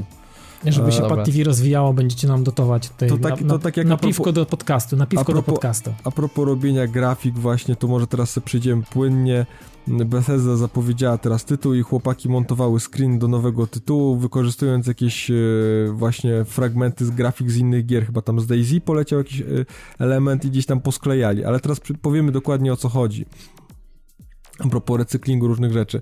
Bethesda od kilku dni e, tam puszczała jakieś właśnie teasery, filmiki. Słoneczniki wrzucała. Płonące słoneczniki, mroczne postaci na tle domów, różne cuda na kiju, e, zapowiadając swój nowy tytuł. Mm, ludzie oczywiście spekulowali, czy to może nowy Fallout, czy inne temu podobne rzeczy. Tak, już była taka pojarka, o Boże, to Fallout 4, Jezu. No, dokładnie, no, wie, dokładnie. Wiele, wiele osób chciało, aczkolwiek Bethesda szybko ucięła e, spekulacje i powiedziała, że to nie jest nowy Fallout, e, tylko coś innego. No i okazało się, że tytuł nazywa się The Evil Within i jest to nowy tytuł Shinjiego Mikamiego. Mm, to może tylko krótko powiem, że gra ma się... Jakby ktoś nie wiedział, no właśnie, może kto to tak. jest ten pan w ogóle? Ten, ten pan to jest pan, który jest odpowiedzialny za, za Resident Evil, e, chyba za oryginalne, tak, i tam jeszcze sporo różnych innych, on to, nie wiem, czy za całą serię, w stworzył serię Resident Evil, stworzył na przykład Vanquisha, mm, stworzył Shadow of the Damned, no i teraz... Same gry, które miały, wiesz, same hiciory. Same killery w ogóle, killery. No, no, no czy wiesz, to jest specyficzny, specyficzny, że tak powiem, kierunek ich, jego gier, do, do, kierowany do, do, do bardzo, że tak powiem, wybrednej czy jakiejś konkretnej grupy odbiorców. Oni lubią dane klimaty i tam Resident Evil, prawda, ma swoje Mm, swój konkretny kierunek. Shadow of the Damned było też bardzo specyficzne, Vanquish też i myślę, że The Evil Within będzie bardzo podobne. Ale to już widzisz, to jest już taka gra, która mi się już podoba na przykład. I ja Powiem wiem, że to tak. może być tytuł dla mnie, tak? Znaczy ja szczerze mówiąc byłem mocno zawiedziony, bo jak gdzieś tam trafiłem na jakieś już jakieś tam pierwsze informacje wyciekły, co tam się będzie działo i o co będzie chodziło, e, to, to powiem Ci tak, jak czytałem to, mm, gdzieś tam wiesz, a propos jakichś właśnie paranormalnych wydarzeń, coś tam się stało, musi walczyć z potworami przy ograniczonej ilości zasobów, walczyć o przetrwanie, co na kiju, pułapki, szmery, bajery, to tak jakbym czytał opis jakiegokolwiek Resident Evil, e, jakokolwiek, jakiekolwiek które e, gry Resident Evil, więc on z takiej pewnej formuły w ogóle nie wyszedł. I trochę to jest takie męcząco martwiące, że, że gdzieś tam krąży dookoła Nie, no tego wiesz, samego. no ja na, ja na, zombie to bym tak reagował, ale no tutaj jakby chodzi o trochę inne aspekty, więc no. nie, może, może jakby Oni ten będą jakiś taki... Nie, kręgosłup rozgrywki by, był, byłby podobny no do Residenta. Mają być jakieś zombie być, mają być jakieś takie opętane postacie, tak, jakaś tam czarna magia, cuda na kiju, nie wiem co jeszcze będzie. Okay. Coś... Ja, nie, ja nie mówię, że sam Resident jest zły w sobie, bo jest zły. Nie, nie, nie. Dlatego, że jest Residentem i są zombiaki. Klimatach, po prostu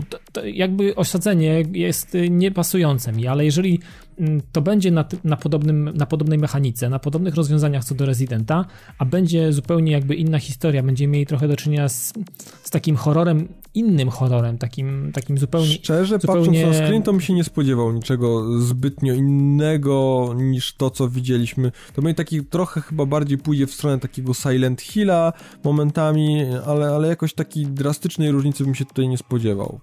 Nie, no nie wiem, jeżeli, jeżeli to będzie, znaczy to będę się przyglądał, bo ja takie rzeczy lubię akurat i takie rzeczy jak Blood Siren czy coś takiego, no to jeżeli to będzie w tym klimacie osadzone, to myślę, że już to jest, to jest taki pierwszy, pierwszy ruch do tego, żebym po to rękę wyciągnął. I, ale mówię, no ja lubię takie rzeczy i będę się przyglądał. A czy to jest y, podobne do Residenta? Może być, byle żeby nie było zombiaków, bo zombiaki to już mam No to będą, będą A. Sorry za głupie pytanie, ale bo tak aż nie śledziłem, bo nie jestem fanem takich gier. To ma być FPP czy jednak TPP właśnie? To będzie mm. takie klasyczne rezydentowe, no z tego, ze screenów to wygląda, że to gdzieś trzecia. takie za pleckami, Chyba z trzeciej, tak. z trzeciej perspektywy. Będą jakieś potwory, coś w stylu... szkoda, bo ja jakoś mam takie cały czas wrażenie, że niedostatecznie jest wyeksploatowana ta, e, nie wiem czy nazwać to, nisza horrorów FPP. Mhm. Myślę, że można by to fajnie zrobić, a jakoś tak e, najczęściej właśnie horrory są w tej konwencji trzecioosobowych robione, a szkoda, bo myślę, że to byłoby coś świeżego i ja bym na przykład e, ciekawiej przyglądał się właśnie projektowi, gdyby postawili na e, rzut z pierwszej osoby. No to jeszcze no powiem tylko na koniec jedną rzecz, tu Dawid już na pewno się nahypuje, jakby projekt był na Kickstarterze, to już pewnie by wpłacił tak, na, na pakiet i, premium. Już bym tam szedł. Ale to ci powiem, bo jeszcze nie wiem, czy czytałeś, że projekt będzie no, jako Bethesda, czyli chłopaki mają kontakt z ID Software, czy tam id Software, mm, no i gra będzie śmigała na twoim ukochanym silniku. To, to, Tak? to, to już w ogóle jestem kupiony. Na To rage'owym akurat silniku. będzie bardzo dobrze, Jeżeli będzie bo... na ID na Techu tak, y, na piątce czy wyżej, no to i Nie, no, 60 nie ma klatek wyżej, to łykam. nie ma wyżej. Znaczy nie wiadomo, czy Pewnie nie coś tam 60. mają, no, a pewnie coś użyją. No, Ale no, jeżeli no, to na będzie, już pewnie dłubią, jeżeli nie? będzie ID Tech 5, 60 klatek, to tak jak w Rage'u, to łykam Czy od razu. 60 to nie wiemy, będzie, będzie silnik od, od y, właśnie mm, id Software.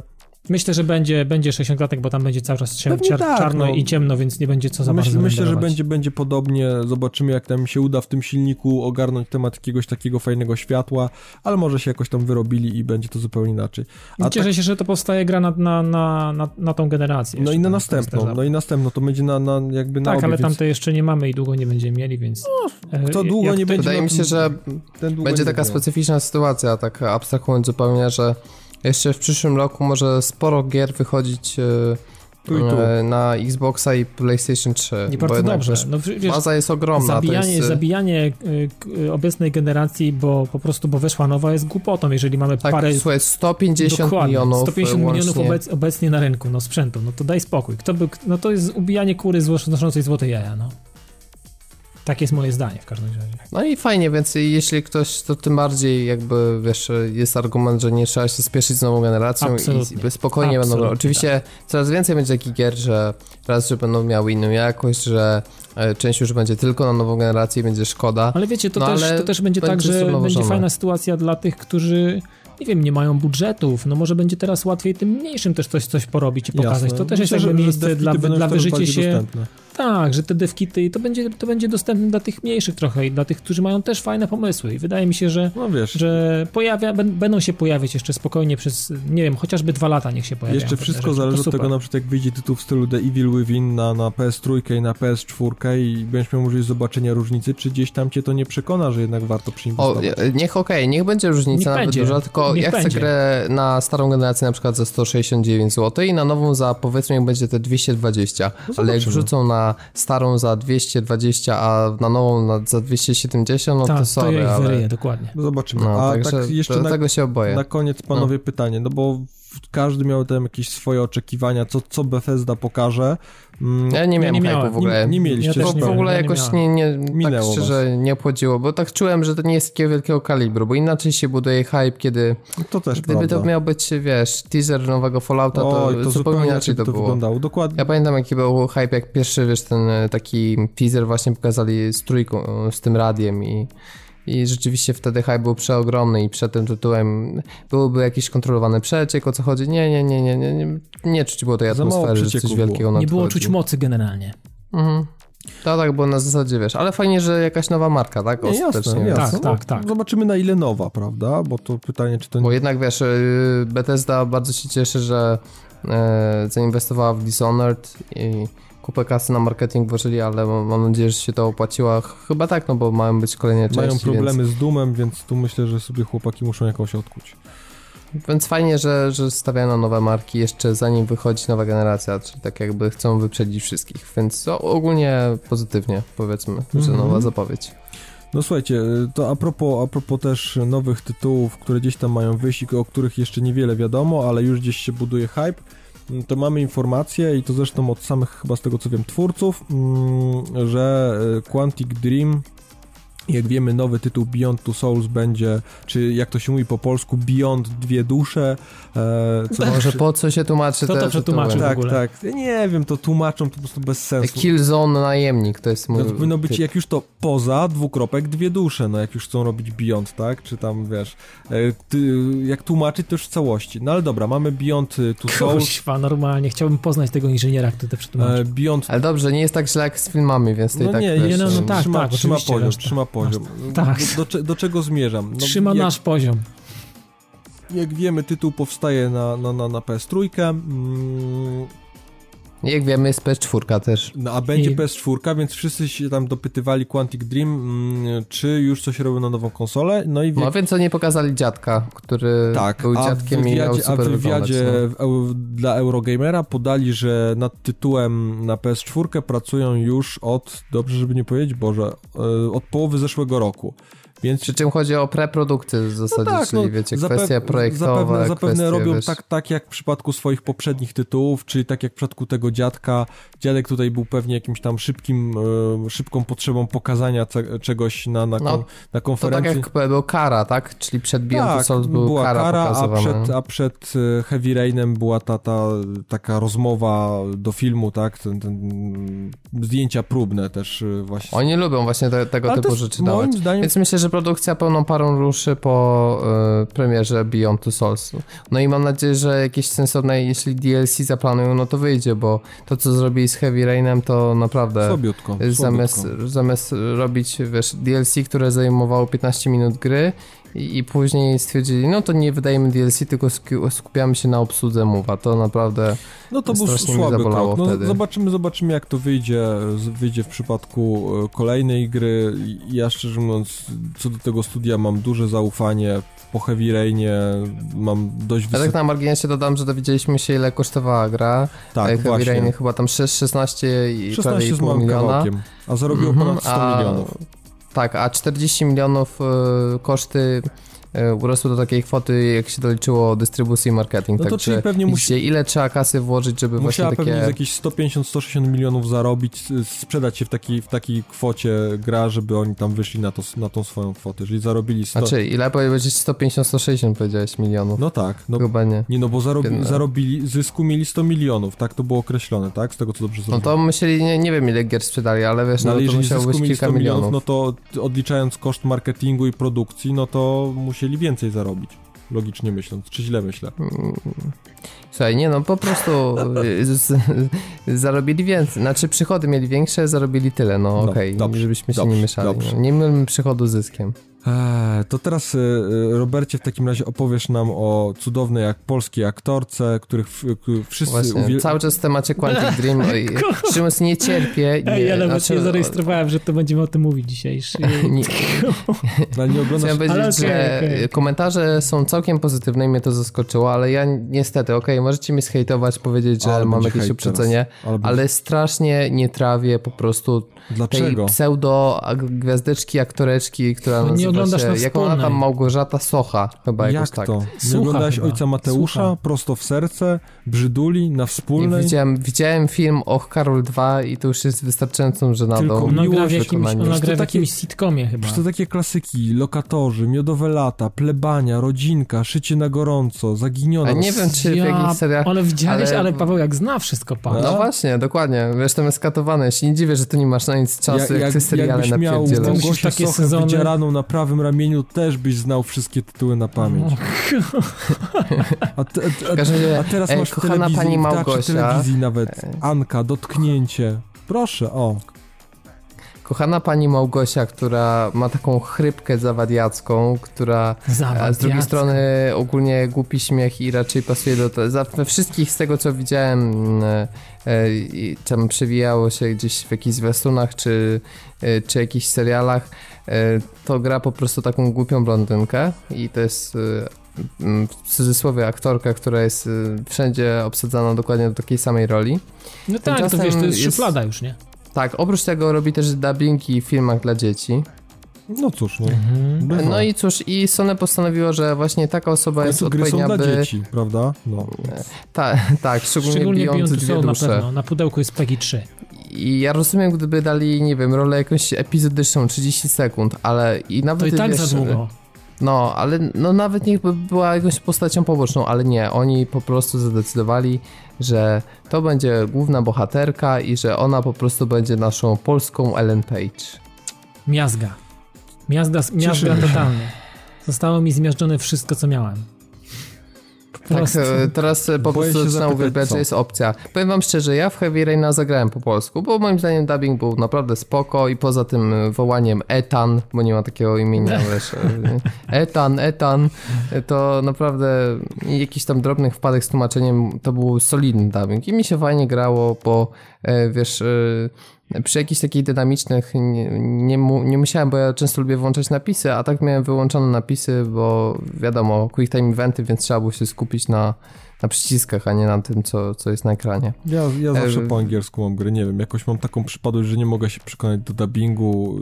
No wiesz, to jest kwestia, jak mówię, mi się wydaje bardziej uprzedzenia, bo naprawdę polskich dubbingów mówię, fajnych że jest coraz nie, więcej. Nie, nie, ale czy wiesz, u mnie to wynika jeszcze z tego, że, że nie, nie wiem dlaczego wynika to, że deweloperzy stwierdzili, że nie ma już możliwości wyboru języku przed e, języka w grze czy dubbingu e, przed odpaleniem gry, czy tam w momencie odpalenia gry, tylko o tym decyduje, jaki, jak, w jakim języku masz XMB w konsoli. Ja mam, Tak, to jest tak kretyńskie. ja mam po angielsku no, chyba ustawione... Uncharted 2 ma taką opcję, że można wybrać sobie normalnie w menu, W wybierać. i Killzone było, super. wiesz, ja na przykład mam największy problem, miałem największy problem z, ze Sleeping Dogsami, bo tam pod wersję angielską była wersja rosyjska podpięta, był błąd w polskim wydaniu i trzeba było przestawić na wersję polską, żeby mieć wersję angielską z napisami.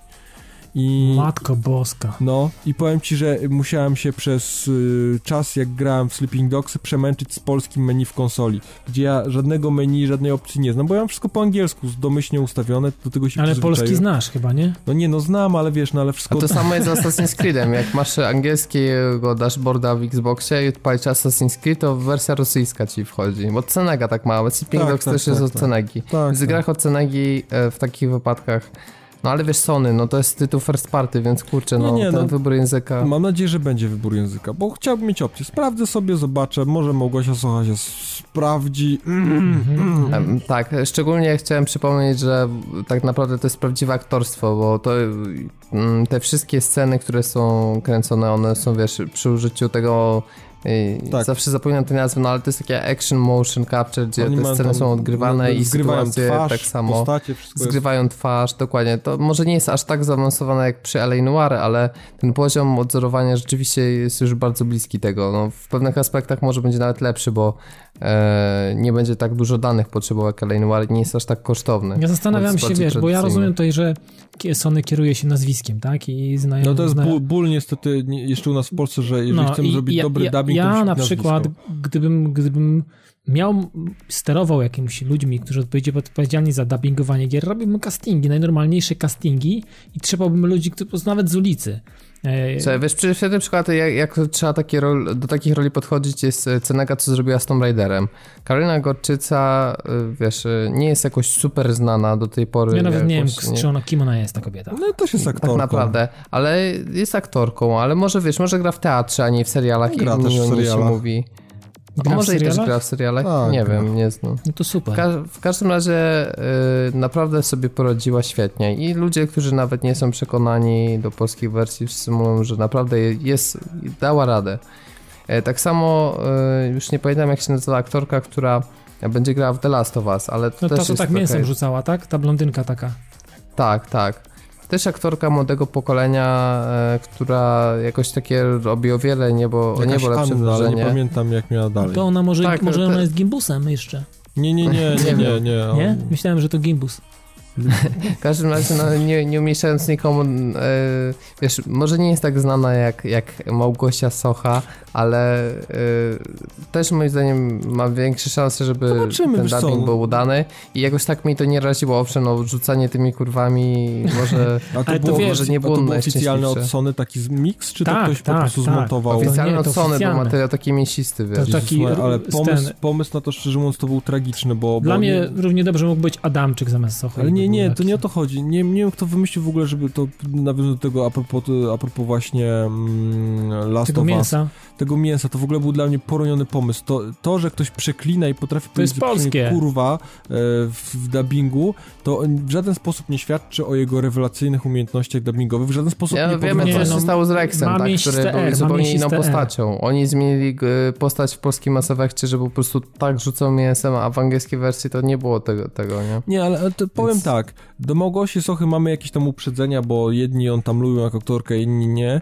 E, mniej znane postaci nie, nie robią takich skojarzeń, więc to jest bezpieczniejsze. Zobaczymy, jakiej to wyjdzie. No nie mieliśmy jeszcze chyba możliwości przesłuchania jakichś takich długich fragmentów, żeby... żeby... No nie, była krótka próbka Sailora, która już mnie u, u, jakby uświadomiła w tym, że to będzie beznadziejne, ale No, okej, może powiem jest Już tak, wiemy, już wiemy jak to, się, będzie- jak to będzie się bardzo dużo komentarzy w internecie, że ludzie piszą, że super pasuje, że bardzo lubią Małgosię, że im się to podoba, bez żadnego sarkazmu, naprawdę, serio, przyjęta została w ogóle zero hejtu i No w ogóle, widzisz, naprawdę no bardzo i to, przyjemnie. jest, Więc- to też w jakiś sposób Ale cementuje to pomysł y, Sony na, na takie ukierunkowanie, prawda, dubbingu, że to się sprawdza, że ludzie to popierają, przyklepują, akceptują. Ja bardzo czekam, jak, jak chłopaki z Dubscora do tego podejdą i, i czekam na, na dub recenzję właśnie tego Beyond Two Souls i wydaje mi się, że, Ja muszę że to będzie, że to jest zbyt głęboka woda, no ale słuchajcie, no to jest gra filmowa, ile tam będzie tych kwestii, Nie, tam nie, ile to, tych to, emocji. to będzie Nie ma pasztetowa, to opcji, będzie pasztetowa. Zobaczmy, zobaczmy trailer po polsku. Ja czekam na taki porządny trailer z gry po polsku, z dobrze Ale zmontowanym. nie chcę oglądać trailerów, bo nie chcę sobie spoilować, Ale co, więc to ja już Paweł, mówiłem. Paweł przygotuj kromkę z chlebem i z masłem. Dobrze. I potem będziesz do tego pasztetową Dobrze, nie ma problemu. Ale co, będzie specjalnie sprawdzał polską wersję jak i tak nie grasz w polskie wersje, tylko po to, żeby... z ciekawości zobaczę. Nie, ja śledzę A, to. to jednak lubisz smogło się socha. No, no, No, ma, ma sentyment, pewnie z Wrocławia jest. Nie wiem, nie wiem, szczerze mówiąc nie A. wiem. Ale na pewno już mieszka w Warszawie, bo tam wiesz, wszystkie No teraz serialiki tak, w Warszawie, w Warszawie się teraz mieszka. Wszystkie te celebryty w Warszawie są już. Dokładnie. Mówisz o sobie, Dawid, też w tym momencie, Ja tak? mieszkam pod Warszawą na szczęście. Jestem za Wisłą nawet po drugiej stronie Warszawy. Tak, e, ci aspirujący do celebrytów mieszkają pod Warszawą. Tam koło ciebie to krowy po polach jeszcze biegają. A to... Nie no, krowy nie, ale tu kaczki ma sąsiad. No, e, ja mam lisy pod domem. E, w każdym razie, dobra. kończąc- Rozjechane. Nie, nie, żywe, żywe, żywe. Moje dziecko jest zajarane tym tematem, ale dobra, Mhm. kończąc temat Małgosi Sochy, lisów, krów i innych temu podobnych, mm, przejdziemy sobie, Widzę, że przyrównałeś super. przejdziemy sobie do... Miało być dramatycznie, to jest Tak. dramatycznie. E, Ja myślę, że czasami krowa może, o, o, wiesz, jakby zaprezentować większy wachlarz emocjonalny niż ta autorka. Przekonamy się. Słuchajcie, mamy koniec imprezy Digital Dragons i, i, i Która było... odbyła się w Krakowie. Tak, no to oddaję ci głos. A wiecie co, no ja, ja bardzo żałuję, że bo namawiali mnie, żebym pojechał i miałem kilka możliwości się tam jakby zjawienia, jakoś nie udało mi się, bo I olałeś. nie udało się, nie było czasu. Nie olałem, bardzo chciałem. Miałeś mieć prezentację, wiesz, bardzo chciałem pojechać, bo to takie fajne miejsce i już byłem umówiony z, nawet z, dwie, z dwiema, trzema osobami, no nie udało się. Za to mogę powiedzieć, zanim tutaj zacznę mówić o Digital Dragons, że e, na pewno ja i Michał będziemy na Pixel Heaven w Warszawie, także jeżeli ktoś mm, będzie tam, to chętnie, chętnie możemy się gdzieś tam umówić i spotkać i pogadać sobie, także będziemy na pewno na, na Pixel Heaven, bo już mamy akredytację mm, tutaj i możemy spokojnie się tam pojawić, więc dobra, ale będzie o Digital Dragon, tak konkretnie No będzie o o takiej jednej ciekawej, fajnej, fajnej, ciekawej i w ogóle bombowej rozmowie, która się odbyła Oczywiście Mm. zapodasz linka do YouTube'a gdzieś tam na Facebooku, czy... e, bardzo chętnie. Na naszej grupie już chyba wklejałem e, facebookowej, więc jeżeli ktoś ma ochotę luknąć, to, to niech wbija do grupy, grupa jest otwarta. E, Pojawiło się na, na takim panelu dyskusyjnym, pojawiło się e, sześciu wspaniałych naszych przedstawicieli grupy deweloperskiej naszego kraju. No i między innymi tam był Adrian Chmielarz, był Paweł Rochler z Techlandu, Maciej Miąsik i, i taki człowiek, którego bardzo lubię, którego może tak nie znamy wszyscy i może tak ludzie nie znają, Wojciech Pazdur e, z, z Farm 51. To jest bardzo sympatyczny taki, taki misiek, gruby chłopak e, z brudką, taki naprawdę bardzo, bardzo fajnie i bardzo lubię go słuchać, bo on naprawdę... Czemu ty nie po tym, co mówi, tylko jakoś go wizualnie identyfikujesz? No nie wiem, akurat, akurat tak, ale w każdym razie ja Wojtka lubię słuchać, bo Wojtek też mówi fajnie, ciekawie i mówi, mówi takie, takie prawdziwe rzeczy. I to samo dzisiaj zrobił Adrian Chmielarz, z, z, można, można powiedzieć, z tym, z tym panelem, bo pozostali Nie panowie, patyczkował się. pozostali panowie, e, którzy e, jakby, nie wiem, przybrali jakąś taką dziwną formę i jakby taką, taką postawę, e, że są tutaj jakby zakrywają temat słupkami, wykresami i jakby tutaj w, w, na tym polu czują jakby siłę i moc. Natomiast Adrian regularnie co parę, co parę chwil, co parę minut e, wchodził w dyskusję i sprowadzał to wszystko, wszystko do, na ziemię, bo, bo mówił wielokrotnie prosto w twarz e, tym gościom, którzy tam siedzieli, że po prostu gadają pierdoły i że po prostu są gdzieś po prostu z kosmosu te, te rzeczy i, i, i absolutnie nie mają e, racji bytu. Natomiast no, nie podobało mi się też, że Piotr, gdy- który prowadził tą całą, tą, ten, ten cały panel, e, też e, miał tych ludzi za takich ciemniaków generalnie, bo oni e, na pytania odnośnie przyszłości polskiego game devu i w ogóle, bo to, to polski game dev, to wiecie chłopaki, to jest tak, że to już nie jest do końca polski game dev, to jest jakby temat otwarty na cały świat i to już jest jakby temat globalny, to już się... Tak, w Warszawie na przykład w, w Uredów e, bardzo dużo ludzi już teraz pracuje, wiesz, szczególnie na przykład do tego drugiego zespołu E, który nad Cyberpunkiem pracuje, musieli zabrać zagranicznych, bo brakuje wiesz, doświadczonych polskich e, No Red już oni otworzył... zaczynają, wiesz, tak. tu się tak proces, że oni biorą ludzi, którzy już pracowali nad jakimiś wiesz, znanymi markami, gdzieś z Ubisoftu byli na przykład gdzieś tam, No wiesz, i teraz Red odpiela, odpala, odpala drugi, drugi oddział w Krakowie, także też jest tutaj widzę, że to się mocno, mocno siła się jakaś taka strasznie zrobiła. No w każdym razie Adrian sprowadził e, Piotrusia Pana szybko na ziemię i powiedział mu, co, co sądzi o tym, jak on, jak on co, co to, co, no bo co on tutaj próbuje. się o, jed, o jedno stwierdzenie, tak, że, że game development No tak, że, że game development to w ogóle ślepi ludzie, dzieci we mgle i w ogóle, i on tak trzy razy przy, przytykiwał jakby chłopakom. No i Adrian Chmielarz w końcu nie wytrzymał, wziął mikrofon i powiedział, że że no to co powiedział. No ja nie chcę wam tutaj cytować całości, bo całe, całe, całe nagranie warto trwa zobaczyć, niecałą no. godzinę, ale warto zobaczyć, bo to jest taka prawdziwa dyskusja i pokazanie, jak różni ludzie są w branży i jak różnie, są, różnie ta branża, branża jest postrzegana, bo są ci, którzy, yy, ci dziennikarze, którzy no, powinni pracować w TVN albo w fakcie, są ludzie, którzy faktycznie robią i są fanatykami, i są naprawdę zapaleńcami, i są ci, którzy patrzą na wykresy, na słupki i oglądają się za nowymi technologiami, a nie do końca są w stanie jakby y, podołać pewnym rzeczom i, jakby nie widać po ich produktach y, szału, szału ciała. Także mm, bardzo fajna, ciekawa rozmowa i, i, ja polecam. Także to jest, to jest chyba najlepszy, najlepszy panel dyskusyjny całej tej imprezy. Także jeżeli ktoś będzie chciał, to absolutnie polecam top, top, że top całej imprezy według mnie ta rozmowa. Także no to, tyle ode mnie A też ma być gościu z Guerrilla Games, jakiś Polak, który tam pracuje, więc czekam na też zapis Tam był jak, e, tego Michał, panelu. Michał, Michał, Michał jakiś tam, już nie, nie pamiętam. Ja już nie pamiętam, ale też może być ciekawe. Tak. tak. Aha, Michał, jak... Drob, Michał Drobot on się nazywał chyba, z tego co pamiętam. To jak będzie, jak będzie jakiś fajny zapis, to na pewno wrzucimy gdzieś na Facebooka, żebyście mogli sobie Pewnie tak. spokojnie tak. to prześledzić. Tak. E, Okej, okay. to chyba tyle w temacie Digital Dragons. Zobaczcie konferencję, czy ten, ten zapis ogólnie. Ten wycinek też, tego panelu, tak. Tak, a po, można też poszukać jakichś innych ciekawych tematów, bo warto, warto sobie pośledzić, zobaczyć to środowisko trochę, mm, znaczy ogólnie takie growe od, od tej strony właśnie twórców, a nie tylko odbiorców, czyli graczy. E, można wiele ciekawych informacji zdobyć. A przejdziemy sobie trochę. Mm, Dlatego nawet, nawet w, w, czasie tej konferencji właśnie trafiłem na taki fragment, gdzie, gdzie Adrian Chmielarz fajnie za, zażartował, że powiedział, że nowy Xbox nadchodzi, prawda, że zaspoilerował, bo chodziło tam o tak. technologię. Więc, więc powiemy trochę o tym nowym Xboxie, o którym już powiedział Ad, Adrian Chmielarz. Że... No co to, jest jakaś konsola? Ja nie widziałem żadnej zapowiedzi. Ja no, też nie, ja, ja też nie, ja też nie On powiedział, że będzie, więc, więc no, jak on mówi, że no, będzie... No jak Adrian powiedział, to że będzie, no, faktycznie. Jak Adrian... No, no on pracował w Epiku, no to Epic może w sumie Gearsy, ale czy ja wiem? Czy ja wiem? Co ty jeszcze może zrobić? Taka, w sumie mogliby jeszcze taka, jednak Gearsy na Xboxa taka, taka 360 no, nikt, nikt nie wie oficjalnie, ale wszyscy wiedzą, że będzie. Mm, ale mhm. może tak. Paweł wie, to, ja to, to, wiem, generalnie jako, jako już zostałem tutaj przyklepnięty z etykietką fanboya Sonego i, i tak cały czas tym się rozpływam nad nową... I tak, i akurat dzisiaj się jara Xboxem. Dzisiaj będę się jarał nowym Xboxem dla, dla równowagi, zawsze to Robertowi... Taki pow... multi-fanboy już. Nie, zawsze powtarzałem to Robertowi, no, że jarałem się PS4, no bo tylko o PS4 mówili. Ja... Ale nie, bo jara się dlatego, że wiesz, że będzie beznadziejna. A, no tak, no że będzie... Ja tak, może tak mam. Są karty przetargowe na korzyść. Tak na zasadzie, ole, o, jak ktoś sprawdzi, to, to niech tak pokażą, rzeczywiście już ta prezentacja będzie i niech Sony zostanie zwycięzcą jeszcze zanim zaczęła się generacja. Dobra, Wszystko słuchajcie. jest możliwe. W każdym razie tak, 21 maja mają, ma być tak, ten duży event, który ma... To są plotki cały plotki. czas, ale ogólnie jest maj jest, powiedziane. Jest podejrzenie, no, podejrzenie, że ma być to 21, no gdzieś tam w okolicach maja, końcówka. Opóźniło się to, czyli Microsoft coś tam, coś, coś tam coś dubie zmieniają, tak, tak. Eee, no i... Ramu dodają i, nie wiem, o, o, wtyczki z internetu ucinają, mam nadzieję. Będzie, będzie więcej filmów do ściągnięcia.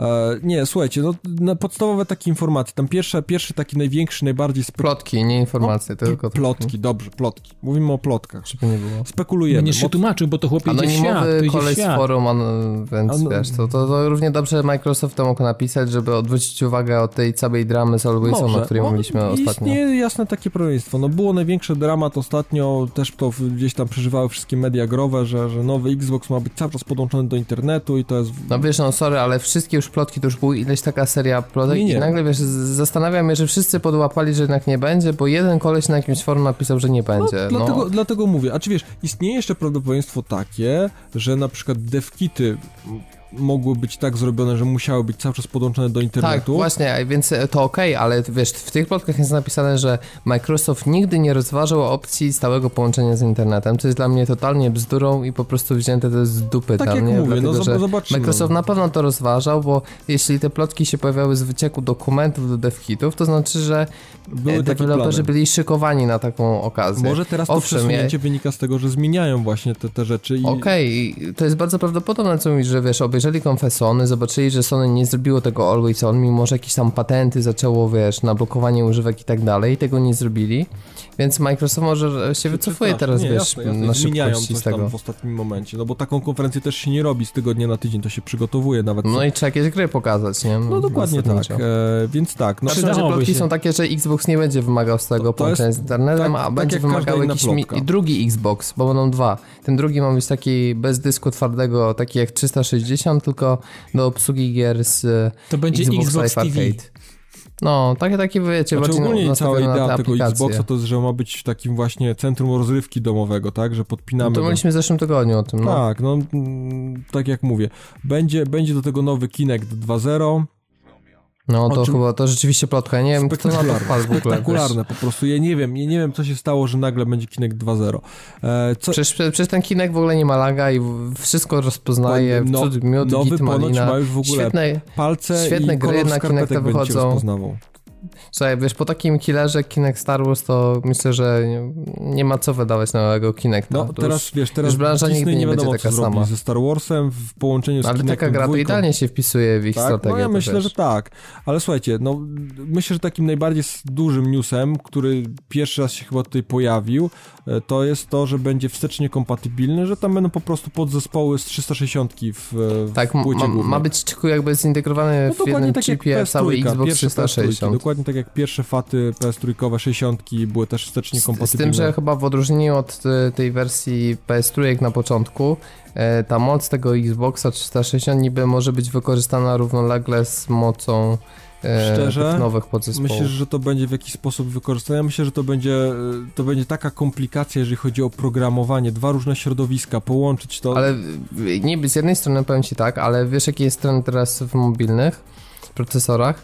Zaczynają robić tak, że w tym roku, to już Samsung to zaczął, a w drugiej połowie roku inni producenci z tym wyskoczą, że pojawiają się procesory ośmiordzeniowe, gdzie cztery rdzenie są nowej generacji, które zapewniają wydajność i cztery rdzenie są starej generacji, które mają e, podtrzymywać podstawowe funkcje systemu i e, jakby zadbać o dłuższą e, pracę na baterii. Więc tutaj może chodzić też o Jasne. oszczędność energii. Może być, że na przykład ten podstawowy dashboard będzie, chodzić. Chyba, że nowy Xbox będzie na baterię. No, w, to ak- w to akurat wątpię. Nie, nie, ale co, już. nie chodzi, chodzi mi o to, że największy problem, ja nie wiem jak będzie, jeżeli chodzi o środowisko pracy, prawda? Nowy X, znaczy Xbox Ma być 360. Windows niby. Xbox 360, jaki ma? Ma jakiś tam własny system operacyjny, Znaczy tak? Xbox to ma własny, tak, ale y, ten nowy ma mieć Windowsa tak, na 8 Windows, niby. na Windowsie 8 ma śmigać. I wiesz, i pytanie, jaka będzie, i ponoć jedna ma być duża rzecz, to dla ciebie, Dawid, dobry news, szczerze mówiąc, że z racji tego, że będzie Windows 8, to w momencie na przykład chęci wydania jakiegoś tytułu mniejszego, niezależnego z Windowsa 8, to wystarczy tylko dodać um, obsługę pada i, i gra będzie od razu kompatybilna z nowym klockiem. Mówiąc, y, będzie niesamowity, wiesz, wpływ, dopływ tych indyków takich Tak, pecetowych. no pytanie, na- jak tam na- jeszcze będzie obcy, sytuacja, prawda, jeżeli chodzi o certyfikację i takie rzeczy, ale to tego, na ten temat nic nie wiemy. No wiemy, że, że ma, być, ma być łatwość, prawda, jeżeli chodzi o programowanie. Jest to na pewno krok w dobrym kierunku. Ale czy rzeczywiście tak dużo będzie, wiesz, ja mam Windowsa 8 i widzę, że tych gier jest jak na lekarstwo w tym No sklepie zobaczymy, Windows zobaczymy, 8. zobaczymy jak to, jak to. Więc no właśnie ciekawe, czy Microsoft, wiesz, będzie dalej takie kasy, chciał taką kasę za licencję, bo to też trochę blokuje rynek. Ale to, że jest ten e, chip Xboxa 360, no to spokojnie możesz robić gry na starą generację, jakby i wiesz, rośnie twoja baza użytkowników.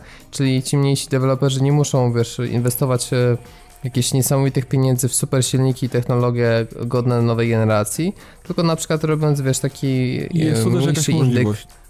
A mniejszy indeks? Spokojnie mogą wykorzystywać tylko tą moc Pytanie- tego pytanie- chipu z 360, bo przecież e, gry arcade'owe niektóre co, są naprawdę nie bardzo końca, ładne, nie do końca wiesz, tak to może być, e, Robert, z tego względu, że no 30 360 ma swoją architekturę, e, nowy ten Xbox Next, tak, czy 720, jak on nam się będzie nazywał, będzie miał właśnie Windowsa 8 architekturę, mówimy o samym, wiesz, środowisku programistycznym, więc myślę, że one nie do końca mogą być kompatybilne, tak jak było dwie Nie, no będą oczywiście, dlatego ma być ten system. No skoro będzie wsteczna kompatybilność, to Ale znaczy, że będą kompatybilne. Wiesz, gdyby, gdyby y, nie było takiego problemu, no to nie musieliby dawać bebechów z 360, tylko by ale po no prostu jasne, ale ja emulowali tylko to. ci... No jasne, tylko emulacja, wiesz, wymaga dużo większej mocy obliczeniowej. No ale jeżeli mają taki zapas, zapas mocy, to myślę, że spokojnie mogliby 360. Znaczy nie, tutaj Mm. już są takie... Nie, zobacz, dopiero teraz przy obecnej mocy, jak i dłużej możemy emulować, y, y, wiesz, y, tak naprawdę emulatory głównie, zobacz jakie są stare konsole z PSX-a, nie ma na przykład na Androida emulatorów PS2, mimo, a zobacz ile są telefony mocniejsze. Nie, no jasne, jasne.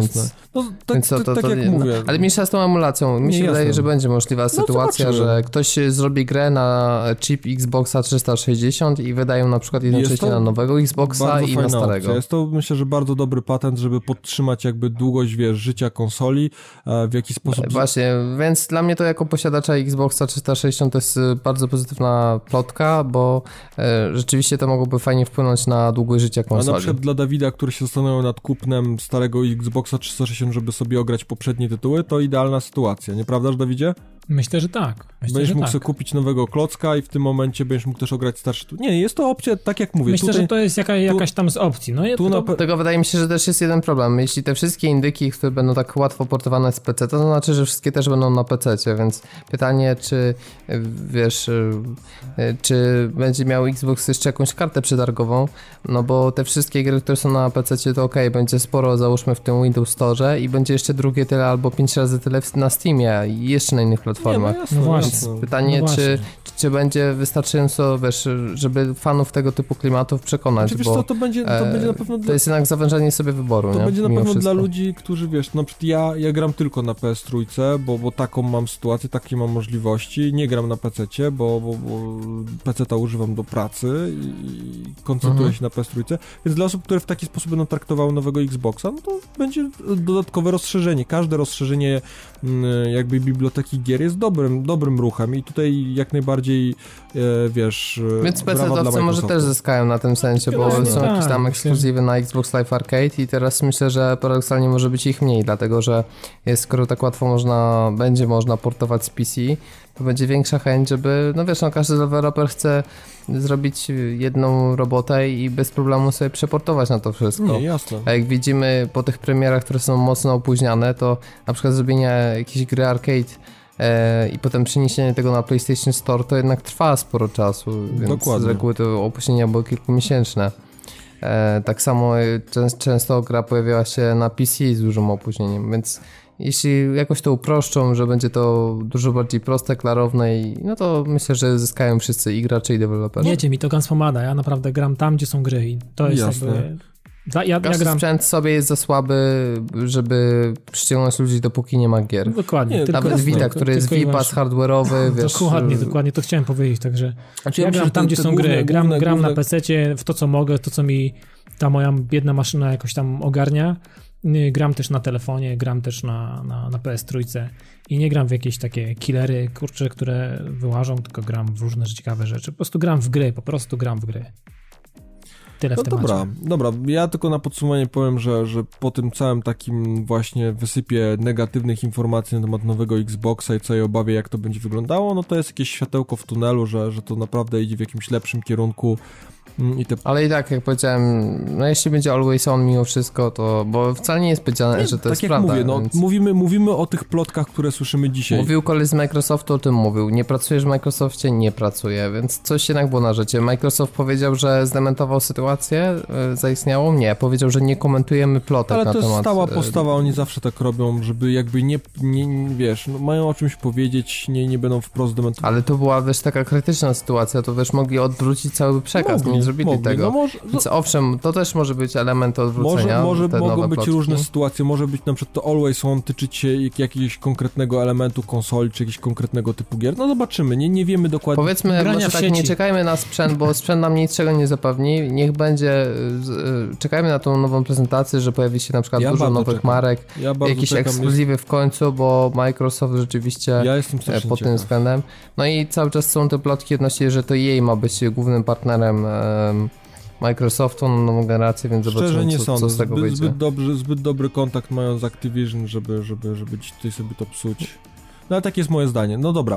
Eee, tym chyba sobie zamkniemy paczkę naszą newsową, mm, cotygodniową i przejdziemy sobie płynnie, jak zwykle, do zakurzonego pada. Zawsze przechodzimy płynnie. No ba. No dzisiaj, Paweł, za każdym przejściem przechodzimy płynnie, Zawsze jest płynnie. płynnie. Jestem, zastanawiam się, na czym ta płynność polega i z czego ona No. wynika. Dużo herbaty i wody mineralnej. To jest No. płynne. No dobra, ja jeżeli... teraz powiem, że mega niepłynnie przechodzimy, idziemy w świat kurzu i idziemy w świat e, Commodore 64 i To są miejsca, to są miejsca gdzie, gdzie nowy Xbox może skończyć, jeżeli będzie always on. Widzisz? Jest płynnie? Jest płynnie. no, Idziemy w świat Tak. twardych pikseli, które to jest, wrażą nie, nas nie, to jest pixel art, to się nazywa. Także No okej, dobrze. będę ale, mówił- ale powiedz o co chodzi w ogóle, będę jaki mówił, tytuł? będę mówił o grze, która w przyszłym roku skończy 30 lat. Macie wiedzę? Ja pierdzielę, starsza ode mnie gra, 30, okej, fajnie. 30 lat. Gra jest z roku 84, a mowa o grze e, Montezuma's Revenge.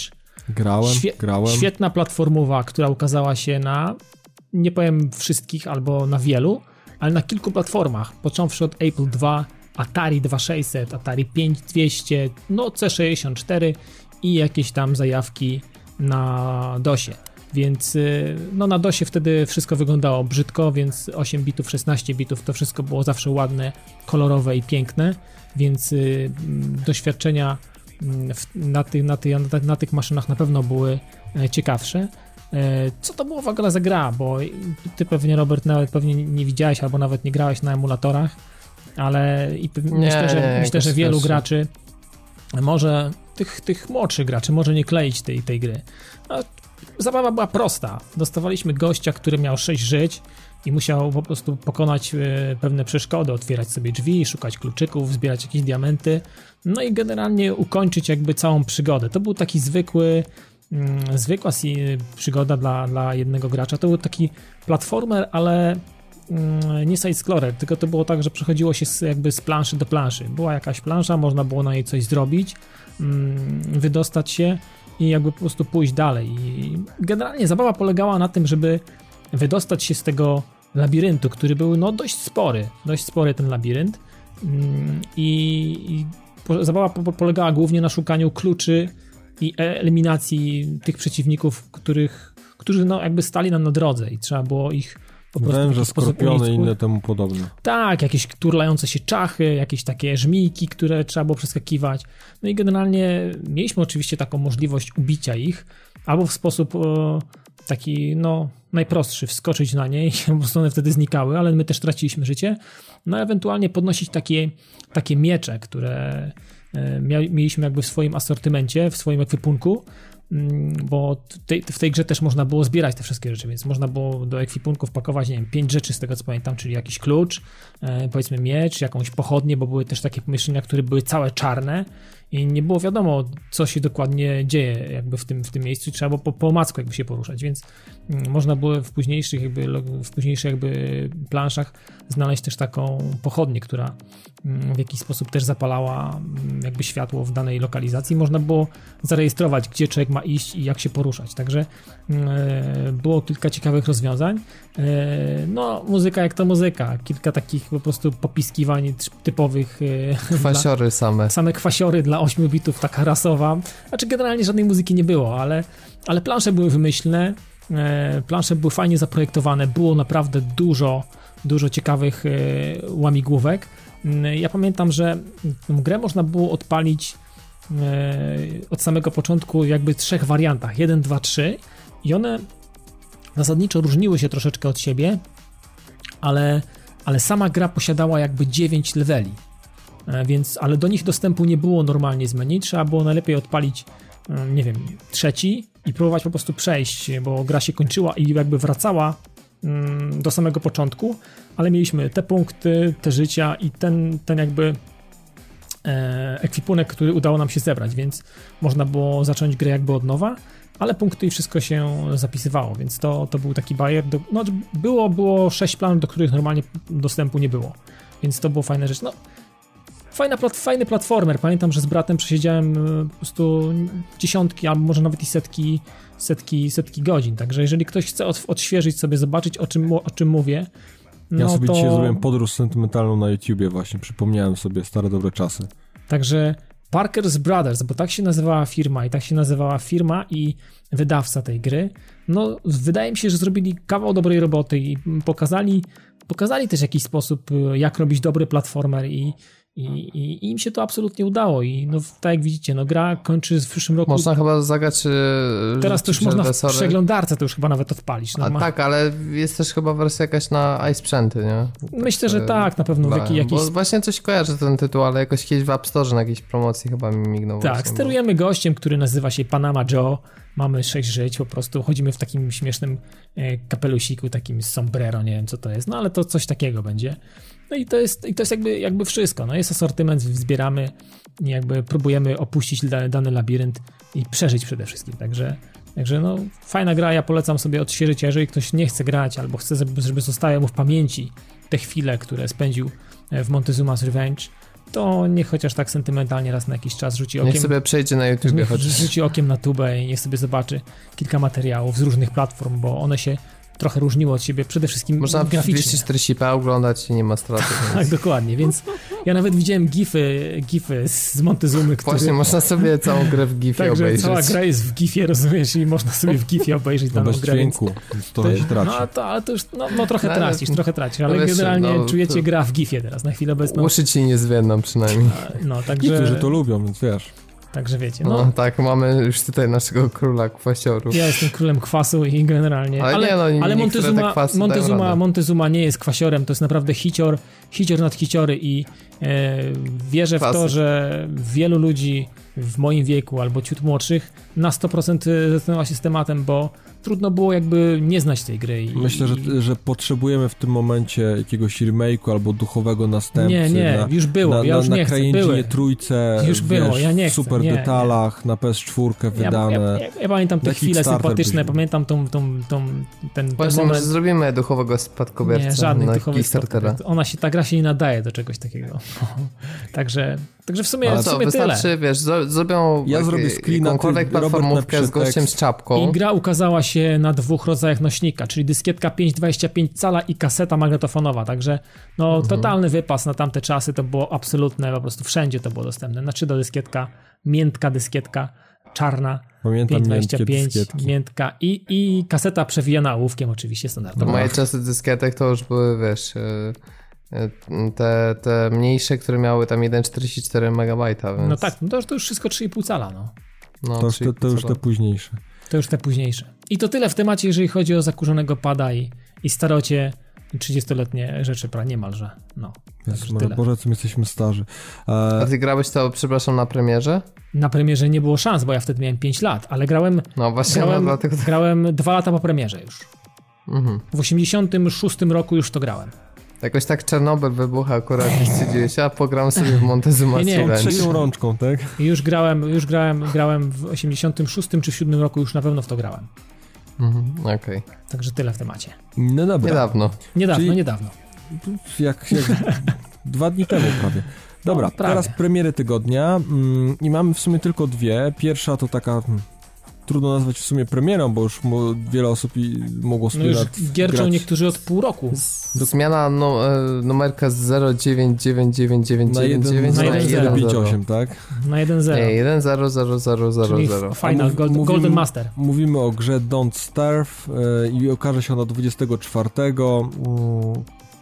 No i to, tak Dawid no, kiedyś opowiadałeś no o tej grze. No, to, jest grze, taki, to jest taki, taki, taki fajny survival E, Taki crafting survival taki crafting, to crafting survivalem pomieszane. Bardzo fajnie wygląda jak flashowe.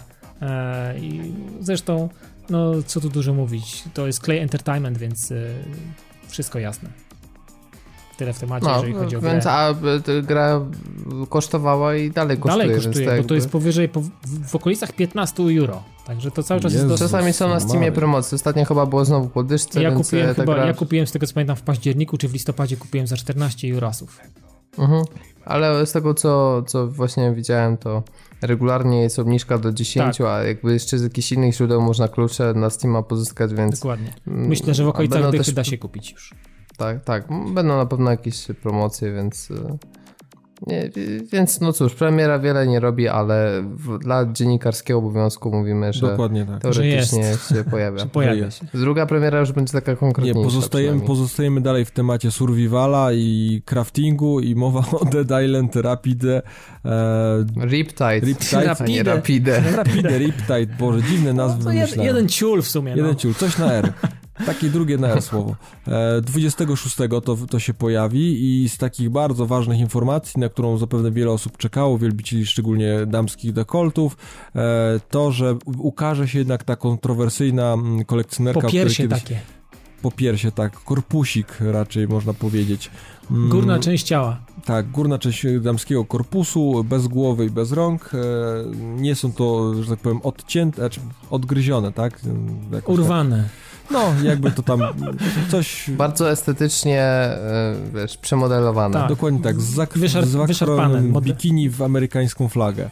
E, czy Jak amerykańska, brytyjska. Brytyjską, dobrze. Tak, brytyjską. Widać, e, dobra, może w wersji Rapida jest O, o, w amerykańska wersji flaga. Rapide No jest właśnie, wersji amerykańska Rapida flaga. jest z amerykańską flagą, a w E, wersji bez Rapida jest japońska flaga. Riptide jest, jest, jest brytyjska. E, I jeszcze wychodzi gra Star Trek, nie wiem czy... czy Killer, coś... killer. Killer, tak? Mówisz? Killer tego, tego dnia chyba. A No coś dobra, Nie, no będzie, ale to co, jakieś Ale- takie na, na licencji filmowej, takie totalnie jakiś bullshit? Taki, czy, od, czy- taki odmurzacz, taki całkowity na pewno.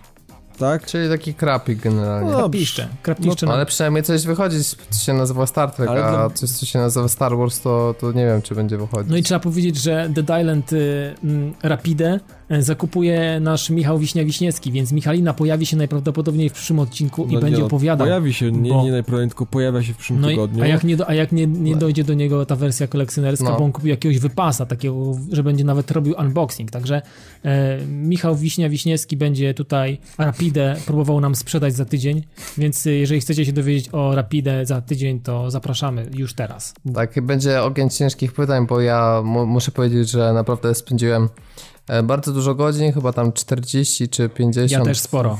Gra jest świetna. E, w, jedynce przeszedłem wszystkie questy, wylevelowałem na maksa postać, więc przemuglowałem grę dosłownie od A do Z, y, wszystkie sekrety, jakie No to będziemy, będziemy, będziemy Micha e, maglować w przyszłym tygodniu. Będziemy Więc, go więc gwałcić. będziemy ostro maglować, bo, bo ja szczerze mówiąc jestem trochę sceptycznie nastawiony i w sensie takim, no, czuję, że nie będzie takiego skoku, jak jest na przykład między Borderlandsami pierwszymi a drugimi. No bo patrząc na jasne, ktoś trailery, może to się nie ma kłócić, że- dużej.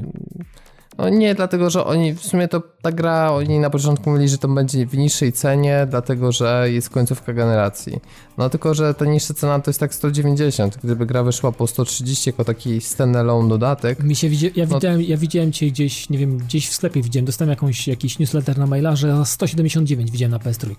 no właśnie, ona w tyle jest. No okej, to jest i tak niżej, bo nie jest to 220. Tak, tak. Ale gdyby to było, wiesz, 130, tak jak Wiedźmin na Xboxa wyszedł, no ja wiem, że pewnie ta gra sporo Albo chociaż kosztowała. snajper, nie?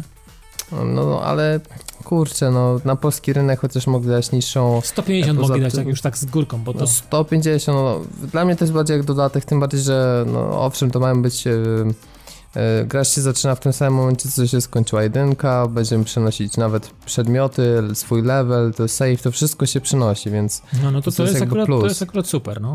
no tak, tylko że wiesz, no, typowo to będzie taka kontynuacja, to nie będzie takiego skoku jak, yy, jak pomiędzy Borderlandsami, bo Mhm. Yy, Z tego co słyszeliśmy, to takie archetypowe miejscówki mają pozostać, czyli tam, że będzie dżungla, będzie, e, będą kanały, będzie miasto, więc to, to, to taki sam Czyli zestaw mieliśmy w jedynce. Yy, Taki zombie classic i kwestia jest tego, czy, czy po prostu to się nie znudzi, bo no takie, w takiej gry, wiecie, w koopie jest fajnie, ale mimo wszystko, jak ktoś grał jeszcze niedawno yy, 50 godzin w jedynkę, to czy się nie znudzi. A Michał niedawno grał w jedynkę, więc Opowie będzie nam, mógł opowie nam z powiedzieć, czy, perspektywy. czy, czy mu się przeje, czy, czy nie. Dokładnie. Dokładnie tak. Chociaż i tak prawdy nie powie, bo będzie żałował kasy wydanej na Dokładnie, on kolekcjonerkę. to się nie przyzna, dlatego że wtopił. Nie, miejmy, Także miejmy nadzieję, że nie wtopił. no. To, jest, to jest, trzeba wspierać polski game dev. Ja, e, game dev ja zawsze Ja jak najbardziej ja lubię, no nie. E, dobra, Tak- tak tyle, wspierać, tyle jeżeli no. chodzi o premiery tygodnia. Taniego grania w tym tygodniu nie ma. Za karę, nie wiem, za jaką W tym karę. tygodniu jest drogie granie, kupujcie kolekcjonerkę Tak. Dead Island. Drogie, Albo Dead Island nówka 179, no Jest to jest drogie, nasze... To jest nasze tanie granie. No, no, ewentualnie The Last of Us niedługo będzie za 260, więc tak, możecie będzie? stwierdzić, że to i tak jest tanie granie. No. 90 zł taniej, tak? Zobaczymy. Promocja. Dokładnie. Słuchajcie, przyjdziemy sobie do gry tygodnia i mamy dwie gry. Okami HD i The Cave. I teraz kto pierwszy... Czyli takie plusowe suchary Ty, już. ty, Te- ty mów pierwszy, bo ja mam ważną informację na koniec, więc chciałbym Tak? być na końcu, tak. Dobrze, to chcesz być na końcu. No słuchajcie... Chcę być na końcu. No to okej, ale musisz jak... Słuchajcie, święto niż zagrał w inną grę niż Battlefield 3, No, więc... tak, to, to, to się zdarza. Nie, tutaj nakłanialiście mnie na, na, na, na blogu, żebym sobie odpalił, szczerze mówiąc, ten tytuł. Tak, Nizi, y, grę, którą dostał za darmo, można w cudzysłowie, jed, i udało się nam namówić go, żeby ściągnął i żeby I żeby włączył. zagrał. U mnie największy zagrał. problem jest taki, że jak mam w tygodniu parę godzin nagranie, to jak odpalam konsolę i mam siadać do czegoś i się gdzieś tam wmużdżać w fabułę, a po, po, po kilku dniach zapomnieć, co robiłem przed chwilą. No, rzeczywiście The Cave na pewno swoimi nie, nie, po prostu no. wiesz, mandrami Pokłady fabularnymi fabuły by cię- tam są takie, że... Ale, ale dobra, to, to może... O, o, o, Zapomniałbyś, co pan Jaskinia do ciebie mówił. nie, ale słuchajcie, odcinku. słuchajcie, no nie, nie wiem, czy, czy... Bo ty, Dawid, coś tam ograłeś, ty Grałem odrobinę... ale A ty, ja... Robert, Ja grałem w demko. A, w demko. No to słuchajcie, no demko jest bardzo krótkie i pobieżne, szczerze mówiąc, jak dla mnie, bo w porównaniu z całością gry to, to tak jest duża różnica, przynajmniej dla mnie. Mm, No wiesz, jakby nie było różnicy, nie, to po co no nie, nie, nie, nie, jasne. A w każdym razie tak, no za, za grę była odpowiedzi, odpowiedzialna legendarna postać, jeżeli chodzi o, o tworzenie właśnie takich gier, znaczy takich, ogólnie przygodówek. No mówimy o Ronie Gilbercie, czyli Monkey Island i, i wszystkie temu podobne tytuły, to, to, to są jego autorstwa. Mm, Indiana Jones, no jest, jest sporo, Day of the Tentacle, no to jest naprawdę, czy Destiny, No jest e, legendą Dokładnie tak. Czy os generalnie. ostatnimi czasy Devspunk, więc tych tytułów naprawdę sporo. No Devspunk muszę powiedzieć, że mi nie podszedł No ale, akurat. no ale generalnie cha charakterystycznym elementem wszystkich gier, za które on się zabiera, to jest bardzo duży element poczucia humoru i tego w tej grze naprawdę nie, nie, nie, nie brakuje, bo trzeba powiedzieć, że narratorem głównym gry jest jaskinia tytułowa i ta ona tam wszystko komentuje, opowiada i te komentarze są po prostu przekomiczne. Nie wiem, czy chyba w wersji polskiej nie, nie było i nie ma, czy jest? Ja nie natrafiłem. Jest wersja po angielsku w każdym razie. No i No, jeżeli... Małgosia Socha jako jaskinia. Tak, ona by się nadawała, jakie Mał- dźwięki tła. Małgosia Suchar. E, w, ka- w każdym razie no, potrzebna jest dobra znajomość języka angielskiego, żeby naprawdę wyłapać wszystkie, wszystkie dobre żarty z samego tytułu, a jest tych żartów naprawdę mnóstwo. No i co? Na czym polega generalnie rozgrywka? Zaczynamy wybierając sobie swoje trzy, trzy postacie, bo po, przemieszczamy się trzema postaciami. Mamy do wyboru mnicha, mm, podróżnika, e, takiego trochę redneka teksańskiego, takiego nazwijmy to hillbilly, to chyba taki właśnie redneck. Naukowca, bliźniaków, rycerza i, i podróżnika e, w czasie. No i musimy wybrać trzy postacie. Każda postać ma jakieś swoje specyficzne mm, umiejętności. Jest to bardzo fajnie zrobione, bo gra praktycznie po wciśnięciu przycisku start od razu przenosi nas do stojących tych właśnie e, siedmiu postaci obok siebie. I teraz no, zaczynamy od razu już jakby sterować gra, jakby nie ma takiego przejścia, że wybieramy, zaznaczamy, tylko po prostu tymi postaciami przychodzimy na jakąś tam kładkę, która jak staniemy na niej trzema postaciami, to się pod nami załamuje, więc bardzo taki fajny e, dla mnie patent, że jest to wszystko płynne, nie ma jakiegoś takiego właśnie niepotrzebnego menu w tym wszystkim. No i co? No i z racji tego, że każda postać ma jakieś tam swoje umiejętności, mm, inne możliwości, to tam możemy na różny sposób rozwiązywać te zagadki. No i przemieszczamy się między kolejnymi jakimiś takimi sektorami czy, czy, czy elementami, prawda, samej, samej gry. Mm, I trzeba powiedzieć, że żeby poznać wszystkie mm, te miejsca e, specyficzne właśnie dla, dla, bo są takie właśnie regiony specyficzne dla danego typu postaci, że nie da się tam dostać w inny sposób niż tylko mm, właśnie konkretnym typem postaci, więc żeby odkryć wszystkie zakamarki w grze, no to trzeba grę przyjść niestety trzy razy, no bo mamy postaci 7, a tworząc takie zespoły po 3, no to tak się składa akurat, że, że trzeba będzie to trzy razy przejść, no trochę, trochę to pachowo, szczerze mówiąc, wyszło. Ale to, a w końcu udało ci się wyciągnąć ten miecz? Tak, udało się, udało się. A, okej, Mia, no to- mia, miałem problem. Tak, bo Pa- Paweł coś tam do, Paweł nas dopisał y, ostatnio. pytał o, o, czy nie wie jak wyciągać miecz. No ja się zapytałem, czy jak ma rozporek, to wtedy wyciągnie miecz. Nie ten miecz, Dawidzie, nie, nie, nie, widzę, że utrzymujesz się w jednej stylistyce, w każdym razie nie, A, tutaj, tutaj Jestem, jestem niezmienny. monotematyczny, no ale przynajmniej jesteś stały w uczuciach. Tak. Tak, dokładnie. Przynajmniej wiesz, jasno określone zainteresowania. No, Nie, nie ma z czym tutaj. No, ale powiem szczerze, co? Myślę, że trzy razy tej gry nie przejdziesz. Znaczy, wiesz co, szczerze, no, szczerze mówiąc, masz- y, gra, co trzeba powiedzieć, gra jest krótka. Ile, ci za, ile ci zajęło przejście No, pierwszego no razu? E, Pierwszy raz, jest, jestem w tym momencie jeszcze do końca, tam została mi już końcówka jakiegoś jednego, jednej lokalizacji, żeby naprawdę dokończyć tę grę. Paru minut mi zabrakło dzisiaj przed podcastem, żeby sobie to pierwsze przejście zamknąć.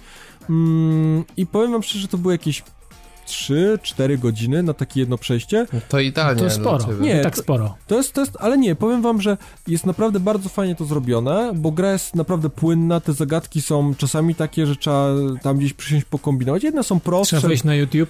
Nie, nie, nie, powiem ci szczerze, że, Aż że tak to nie. udało, nie, znaczy są takie, że można naprawdę się gdzieś tam z- zamotać, ale szczerze mówiąc, mm, tak jak namawialiście właśnie na tą grę, że, że to jest taki, taki trochę w takim starym stylu, to dokładnie tak to wygląda. To jest takie połączenie platform, bo jeszcze nie powiedzieliśmy o tym, co to jest dokładnie, czy ja nie powiedziałem.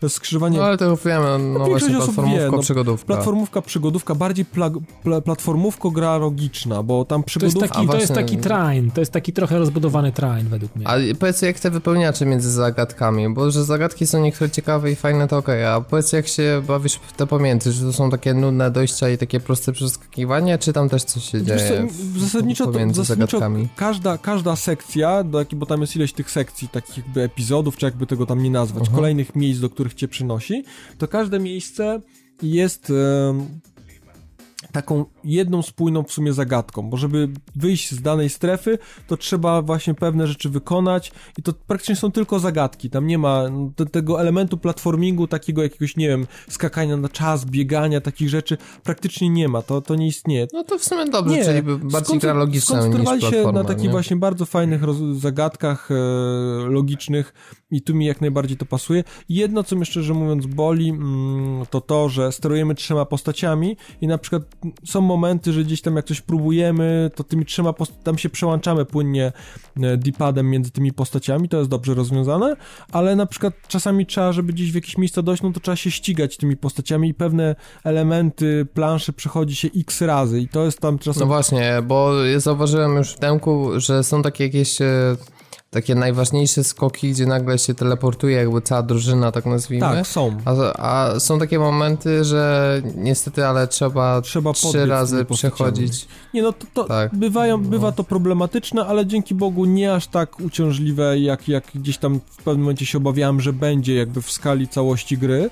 Mm, Suma summarum okazało się, że naprawdę nie, nie, nie jest to aż tak źle rozwiązane i często w momencie, jak można gdzieś jedną postacią daleko zajść, to można tą postacią wrócić, coś przynieść, no to nie jest jeszcze, jeszcze naprawdę tak strasznie e, zrobione.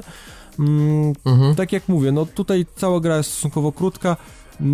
O oprawie muzycznej trudno tu mówić, bo tu praktycznie nie ma oprawy muzycznej, jest oprawa No jest dźwięk... taki ambient jakiś tam No, dziwny. jakiś tam ambiencik w tle, ale nic szczególnego. A to ja mam pytanie a propos sfery technicznej w takim Mhm. razie, skoro nie ma za dużo o muzyce, bo na Xboxie jest spory problem niestety z framerate'em Tu tak gry. samo. W takich dziwnych momentach Jest i w doku- sumie tak niby, niby nic takiego aż się nie dzieje na ekranie, ona na takich losowych momentach Potrafi przycina po chrupnąć, prostu. zgadza się. Dokładnie, dokładnie na to zwróciłem uwagę. Są momenty, że potrafi gra chrupnąć, ale to są akurat takie, zazwyczaj są to właśnie tak jak mówisz, nazwałeś dziwne momenty, czyli nic takiego jakiegoś decydującego, że tu powinieneś kliknąć, gdzieś się wstrzelić, ale tego nie zrobiłeś, bo ci chrupnęło.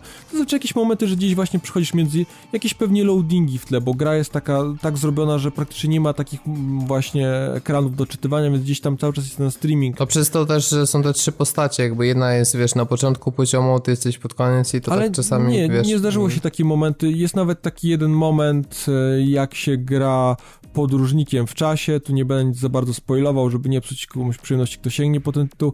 Są momenty, że można się przenosić już naprawdę po bardzo różnych rewirach i tam gra aż tak strasznie nie chrupie. No parę razy się zdarzyło, chyba z dwa czy trzy, szczerze mówiąc, że tak chrupnęło dziwnie. Aha, no to Więc to nie jest, nie jest dramatycznie, szczerze mówiąc.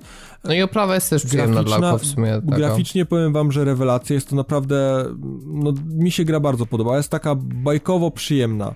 mm, jest właśnie, wygląda jak, jak animowana kreskówka, no szczerze mówiąc. I... No ma bardzo fajny styl, ma... no i to w zasadzie od tego się w dużej mierze zrobił hype wokół tej gry, no bo e, to jest taki, wiesz, częsty motyw, że robi się fajną oprawę, żeby zainteresować. No mhm. i wiadomo, nazwisko też swoje robi. Dokładnie tak. Ale gra mimo wszystko e, tak patrząc na recenzję, to wiesz, to raczej była taka 7, 7,5. Ona nie była oceniana jako jako powiedzmy bardzo dobra, tylko taka dobra, ale z istotnymi no, wadami. Jest, Widzisz je, ale, czy ale, twoje zdanie jest właśnie inne, że znaczy, jest super? Nie, nie wiem, jakie były, szczerze mówiąc, istotne wady, bo nie czytałem jakoś za bardzo recenzji sięgając po ten tytuł, więc zaraz pewnie, nie wiem, czy pamiętasz, czy będziesz w stanie wymienić.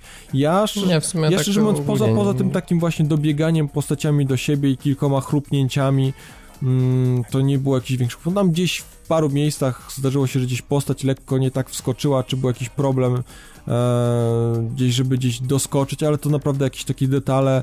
Mm, o jedna rzecz, sorry, jedna rzecz jest, z jedną rzeczą był problem, że jeżeli się pokrywały przedmioty na siebie, na przykład z jakimś przedmiot, jeżeli upadnie ci przedmiot e, przed jakąś na przykład dźwignią czy skrzynią, to że... Miecz ci upadł gdzieś tam przed dźwignią. Nie, nie, ale to, to, to, są, to są wtedy problemy. To jest problem, bo zamiast on sięgać po przedmiot, to sięga po dźwignię i tam można się czasami konkretnie naspawać. Ja miałem z tym kłopot, szczerze mówiąc kilku miejscach i, i ratował, mhm. ratował mnie mnich, który ma możliwość teleportacji przedmiotów, więc to, to gdzieś tam...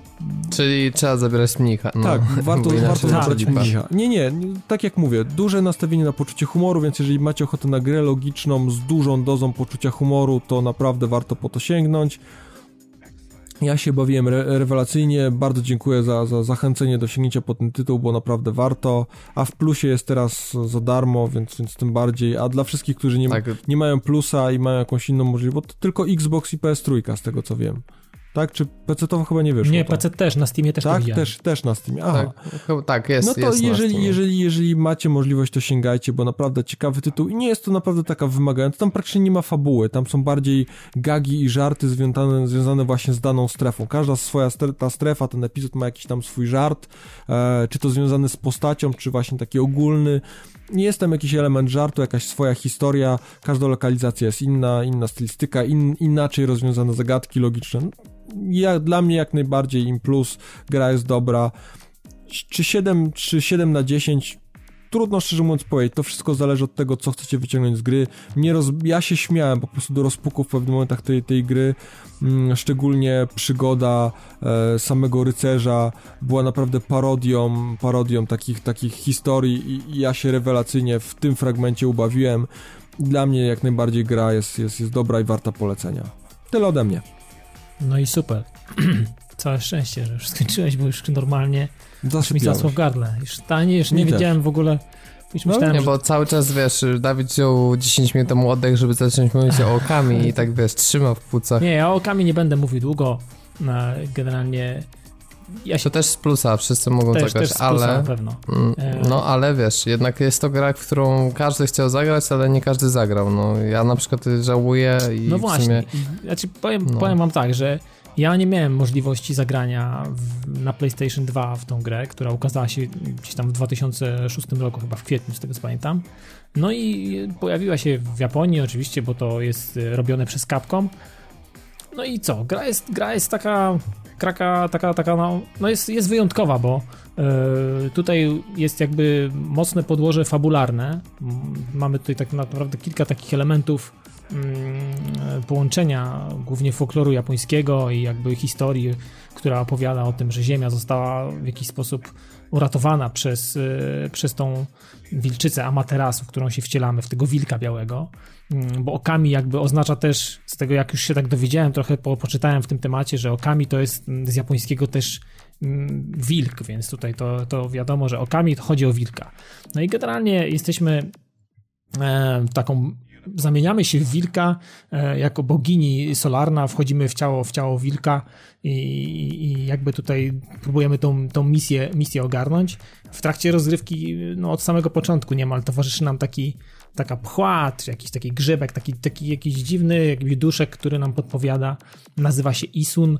E, jest jakby takim naszym towarzyszem w ogóle całej tej przygody.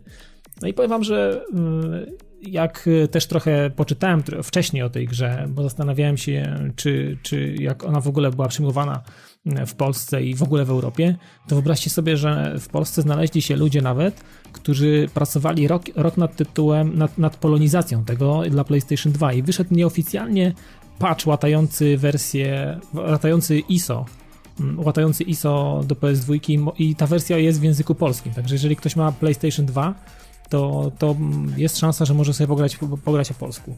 Generalnie jest to typowy taki e, Japan RPGowy. Dużo klikania, dużo, dużo czytania, dużo, dużo rozmów, dużo różnych takich, takich rzeczy. No gra jest strasznie e, obszerna, jeżeli chodzi o tereny i w ogóle zwiedzanie. To jest, to jest w ogóle ogrom. Ja mam gdzieś na liczniku 35 godzin i jeszcze nie skończyłem tej gry, więc e, jest, jest naprawdę sporo. Mm, jest trochę backtrackingu, więc y, to może komuś tam nie pasować, ale generalnie sama, sama, sama tak specyficzna oprawa graficzna to jest taka, nie wiem jak to nawet nazwać, ale to jest taka jakaś, jakaś taka specyficzna kreska mm, i, i, to jest takie, takie dziwne, takie rozmyte dla oka, to jest taki, nie wiem, jakiś taki cel, malarstwa japońskiego Jakiś mocno. taki cel shading, to jest takie jakimś takim malarskim, znaczy to gdzieś doczytałem, że to jest y, malarski styl o nazwie Suiboku Ga, tak się to nazywa. W każdym razie e, to jest jakieś takie połączenie tego właśnie stylu japońskiego, takim, tego, tego malarskiego, właśnie z taką um, specyficznym cel, cel shadingiem i to się tak fajnie mieni, takie szczególnie w momencie, kiedy, kiedy ta wilczyca, ta, ta Amaterasu, ta bogini biegnie, ten wilk naprawdę biegnie tak bardzo szybko, bo on się tak dosyć, dosyć szybko rozpędza, więc to jest takie wszystko takie fajne i miłe dla oka. A jak tam konwersja HD, bo pamiętam, że na PS2 niektórzy narzekali, że e, to było dosyć mało czytelne, bo przy tej mniejszej rozdzielczości i tej całej gamy tych wszystkich super efektów e, i właśnie tego stylu malarskiego, to bywały problemy z jakby wyrazistością tego wszystkiego. No nie, to I chyba tutaj większa rozdzielczość to pomogła, nie? Jest to zdecydowanie to... bardzo fajne dla oka, jest wszystko wyraźne, napisy i, i to, to naprawdę jest, jest, jest na co opatrzeć, bo jest bardzo fajny ten świat, to jest wszystko fajnie zaprojektowane. Oczywiście, mm, no to nie każdemu będzie pasowało, bo to już trochę odbiega od standardów i jakby to nie jest to, e, to, to mówimy o grze, która ma już 7 lat, prawda, tak? To, to, także to jest już e, Yy, sporo czasu minęło i to Ale są już standardy... tylko rozdzielczość obiektów, czy też tekstury są w lepszej jakości? Mm, nie, chyba wszystko jest z tego, co... Znaczy wiesz, to trudno mi powiedzieć, bo ja na PlayStation 2 nie widziałem, więc nie wiem, co zostało, a co zostało poprawione, a co zostało No ale jak patrzysz, na... obserwujesz to jakby z perspektywy, prawda, gracza teraz w tą wersję HD, to to dobrze wygląda, czy... To wygląda dobrze. To wygląda dobrze i to jest... Yy, całość podbita, łącznie z jakimiś kascenkami, z jakimiś takimi elementami ten początek wydaje mi się, że posiada, posiada takie dziwne rozmicie. Tam jest taki filmik wprowadzający do całej gry i on taki jest, taki trochę z bani jest. On jest taki trochę rozmyty i to jest takie, widać, że to jest jakby nic się z tym tematem nie zadziało. I to jest, wydaje mi się, że tak mogła wyglądać ta cała gra i to jest już niefajne. Ten początek, gdzie odpala nam się menu i i ten taki pędzel zaczyna malować, więc to jest już takie, takie słabe. W każdym razie, wiecie co, ja tak jak, jak zacząłem grać, to pierwsze skojarzenie z okami to miałem Mini Ninjas, bo Tutaj widzę, że mi Ninjas bardzo mocno czerpało garściami chyba z tego tytułu, bo mamy i jakieś czary, mamy i zbieranie tych różnych takich e, gadżetów, jakieś owocki, coś tam sobie zbieramy, ulepszamy sobie e, tego naszego wilka, on się cały czas jakby rozwija. Mm, najfajniejszą rzeczą w tej grze, która mi się tak strasznie spodobała, to jest możliwość mm, e, tego malowania, bo to jest jakby kluczowe dla całej, dla całej rozgrywki, bo mają możliwość, mm, pozyskujemy tą jakby wiedzę na temat pewnych, pewnych pędzli, jakby tych możliwości namalowania czegokolwiek i żeby się zadziała jakaś akcja, więc zdobywamy pewne, pewne jakby takie zdolności. I tych zdolności jest z tego co mi się wydaje chyba z 15 tych, tych, e, tych różnych technik malarskich, które coś robią. Jedna zamalowuje na przykład, mm, potrafimy sobie na przykład domalować most, inna potrafi ze, sło ze słońca zmienić w księżyc. Mm, mamy możliwość, e, nie wiem, e, stworzenia podmuchów wiatru, ożywienia martwych martwej roślinności, więc tych, tych technik, y, tych jakby takich dolności za pomocą właśnie tego pędzla jest naprawdę ogromna ilość i co jest bardzo fajne, można korzystać z mowa w tej grze, więc to się bardzo fajnie robi.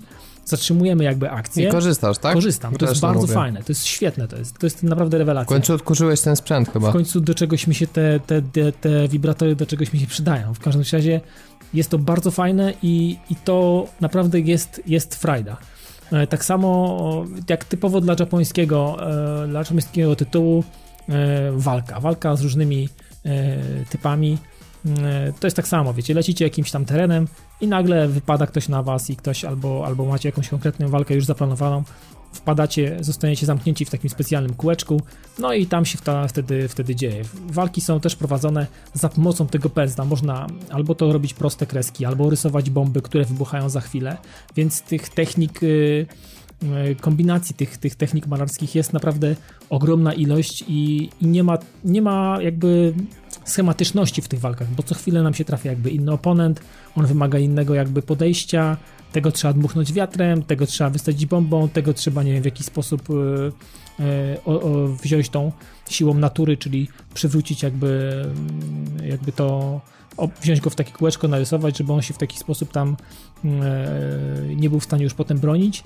Mm, no i tak naprawdę jest, jest tych oponentów sporo. Oczywiście questów, tony questów, tony biegania, dużo, dużo takich rzeczy śmiesznych, pobocznych, w ogóle to jest taki typowy japoński folklor. Ja nie jestem jakimś specjalistą od Japonii, ale, ale myślę, że takich y, ludzie, którzy znają kulturę Japonii, którzy w jakiś sposób obcują i, i znają temat, myślę, że jest bardzo dużo ciekawych nawiązań, które, które, mm, które są w tej grze bardzo mocno pokazane.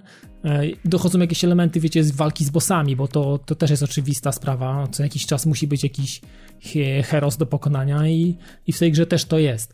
E, ja mogę powiedzieć tak, że ja bardzo żałuję, że nie kupiłem tej gry wcześniej. Gdybym wiedział, że to jest naprawdę taki killer, to jest taki hicior, uważam, że to jest jedna z lepszych gier w ogóle, które przyszło mi ostatnio, ostatnio w ogóle grać. I nie gram w nic innego, tylko od kiedy się pojawiło w PlayStation Plus, Okami, z małą przerwą na Bioshocka, Okami jest non-stop na tapecie i mówię na liczniku 35 godzin i, i, i ja nawet nie, nie, nie, myślę o tym, żeby zakończyć w ogóle przygodę. Jest to tak świetnie o, A masz szansę na, w ogóle zakończyć ktoś, kto aż tak się nie jara tą kulturą Japonii i tak e, nie no jest właśnie. fanem japońskich gier? Wydaje mi się, że później jak nie skończysz. Wydaje mi się, że nie.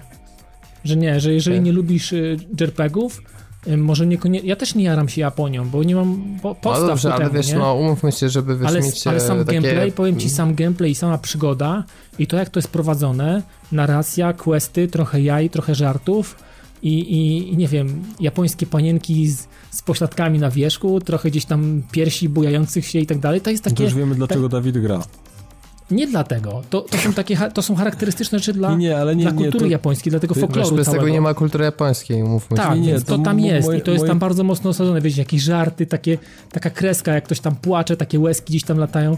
No e, Oczywiście, nie, nie, nie, lubię tego, sorry, jest, ale to jest koleś, nie trafia. Jest koleś, który e, uwielbia na przykład e, sake i tam trzeba mu to sake w jakiś sposób organizować i cała historia związana z tym sake gdzieś tam jest, więc jest dużo takich ciekawych rzeczy, które no mnie w jakiś sposób śmieszą i jakby uprzyjemniają mi jakby tą, tą, tą, tą, tą rozgrywkę, więc myślę, że w jakiś sposób trzeba lubić trochę tą Japonię i tą kulturę i może nie do końca rozumieć, ale trzeba, trzeba to lubić w jakiś sposób i trzeba w jakiś sposób też mm, mieć odpowiednie podejście do japońskich RPGów, bo ta gra niewątpliwie nie jest takim typowym japońskim RPGiem, bo aż takiego zbieractwa, jakiegoś craftingu, ekspienia takiego nie ma. Nie ma jakiegoś specjalnego levelowania, chociaż mamy tam takie zwierzątka albo jakieś drzewa, które ratujemy. Dostajemy specjalne takie, takie punkty, które potem możemy spożytkować albo na ilość atramentu, który mamy przy sobie, albo na, na punkty życia, no i to jakby, wiecie, to też trochę, trochę takiego ekspienia, takiego levelowania jest, ale to nie jest w postaci czystych leveli, jakichś cyferek, słupków, defendu, obrony i tak dalej. Nie ma czegoś takiego. Mhm. Nasza okami Amaterasu jest, Amaterasu jest yy, tak silna, w zależności od tego, jakie artefakty ma na sobie ubrane, albo, albo jakich umiejętności tam używa. I przede wszystkim znaczy, siłą jest pędzel. jest taka trochę bardziej, nazwijmy w cudzysłowie, ucywilizowana, w sensie, tak, że to, nie taka stuprocentowo to nie jest turowa, to, to nie jest turowa rozrywka rozgrywka. To mhm. jest y, czy, czas, czas rzeczywisty i mamy elementy zręcznościowe i przede wszystkim mocą są te pędzle i te, te jakby zdolności no, posiadania na świat, tak. kreowania. To jest, a to jest świetne. A, no, a powiedz jaki jest e, ten, e, ilość, e, nie trzeba tam grindować ani to... Nic, Jaki nic. jest w ogóle stosunek walki do elementów fabularnych, czy do tego właśnie manipulowania światem? Jest ułożone w ten sposób, że e, idziesz i jest ide, idealnie się, fabuła jest tak prowadzona i jakby rzeczy, które uzyskujesz, idealnie są dostosowane do przeciwników, których spotkasz. Tu się nie ma tak, nie zdarzy się coś takiego, że trafiasz na bossa i jesteś do niego nieprzygotowany. Nie ma takiej opcji. Tutaj po prostu idziesz, mhm. napotykasz takich przeciwników, których jesteś w stanie pokonać. Na początku idzie łatwo, potem jest troszeczkę trudniej, ale to są rzeczy mm, do przeskoczenia, więc e, tutaj, tutaj nie ma czegoś takiego. No mówię, ja po 35 godzinach e, e jestem cały czas jakby nie musiałem gdzieś tam biegać, expić, grindować i tam gdzieś przygotowywać się do czegoś. Po prostu idę, kupuję, czy tam jakieś monetki, czy jakieś kości, które mi tam gdzieś odnowią, takie na zasadzie apteczek. No to wszystko są też sklepiki, więc można sobie pokupować pewne rzeczy i trzymać trochę w ekwipunku. Ten ekwipunek to w ogóle mamy taki, że wiecie, można mieć jednego, jednej rzeczy można mieć na przykład 100 sztuk, więc to jest w ogóle e, mhm. o, A to jest, jest backtracking? Czy jest, trochę jest, tego? trochę jest, trochę jest, więc jeżeli ktoś nie lubi backtrackingu, są momenty, że nie ma go i, i, jest całkowicie, i jest faktycznie parcie do przodu, ale na przykład mhm. jest tak, że po 20 godzinach, na przykład, czy 25 godzinach musiałem wrócić do takiej do pierwszej. Do Mooncave'a. No niemal do pierwszej lokalizacji, ale to już się pojawiają wtedy takie specjalne portale i mogę tam się przenieść portalami, więc mm, za mhm. pomocą takich portali, które się w wodzie otwiera, jak się wrzuci Czyli taką monetkę... jest, zdarza się, ale nie jest uciążliwy, tak? Nie jest uciążliwy, w sensie ale, ale jest jest i tutaj nie okay. mogę powiedzieć, no że nie ma. ja mam, jest. Dawid, takie pytanie w takim razie, bo to rozumiem, że to, że tam już zrobiłeś te 35 tak, godzin czy 40, mm -hmm. to wynika z tego, że ty po prostu w spokojnym tempie to robisz, czy po prostu gra rzeczywiście tyle czasu wymaga, żeby ją ukończyć? Nie, gra jest Nie, nie, ona, jest, ona więc... tyle wymaga.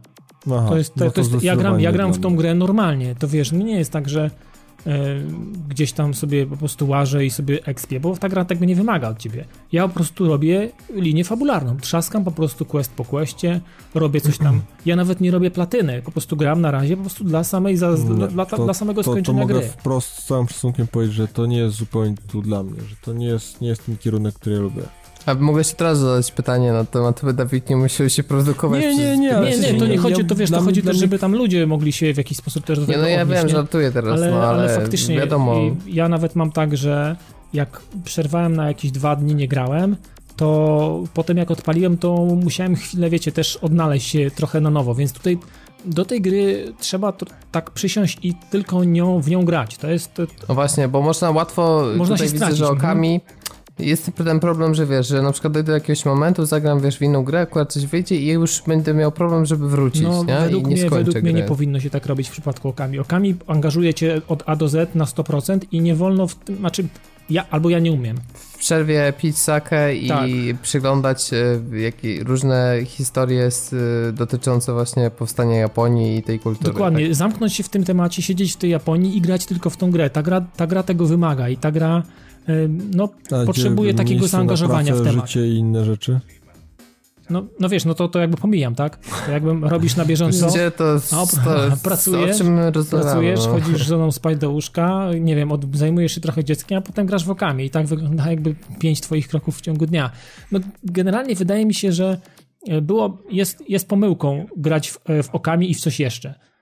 To jest, e, nie będzie się trzymać kupy, więc albo okami, albo nie. Albo nic. To wie, no ja, ja ściągnę na dysk i może będzie taki moment, gdzie Ja jestem zakochany, absolutnie. To jest fenomenalna gra. To jest fenomenalna gra i, i, i także ja polecam każdemu. A na koniec... Myślę, jakiś... że już tak fajnie opowiedziałeś, że każdy, kto mniej więcej, wiesz, spełnia te warunki, co powiedziałeś, to będzie się tak. dobrze bawił. I na koniec, jako że moja znajoma mnie tak strasznie męczyła, żeby ją pozdrowić na antenie, a ona się strasznie jara Japonią, także Marta, pozdrawiam cię.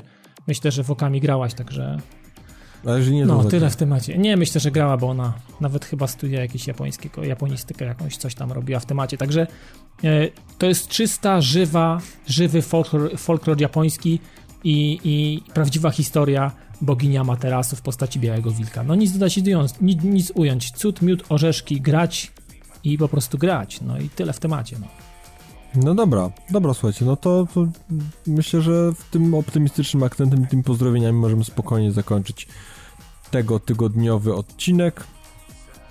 i Tak. do usłyszenia Słyszymy się jak zwykle za tydzień. Standardowo. Myślę, że Przytrujemy do Dodajcie za na, bloga, Facebooka, komentujcie, wrzucajcie Tak. jakieś sugestie. Ale Pamiętajcie, tak, no, komentujcie. podtv.pl podtv.pl Także wpadajcie i czekamy na odzew pod podcastem numer 47. Cześć. Trzymajcie się, na razie.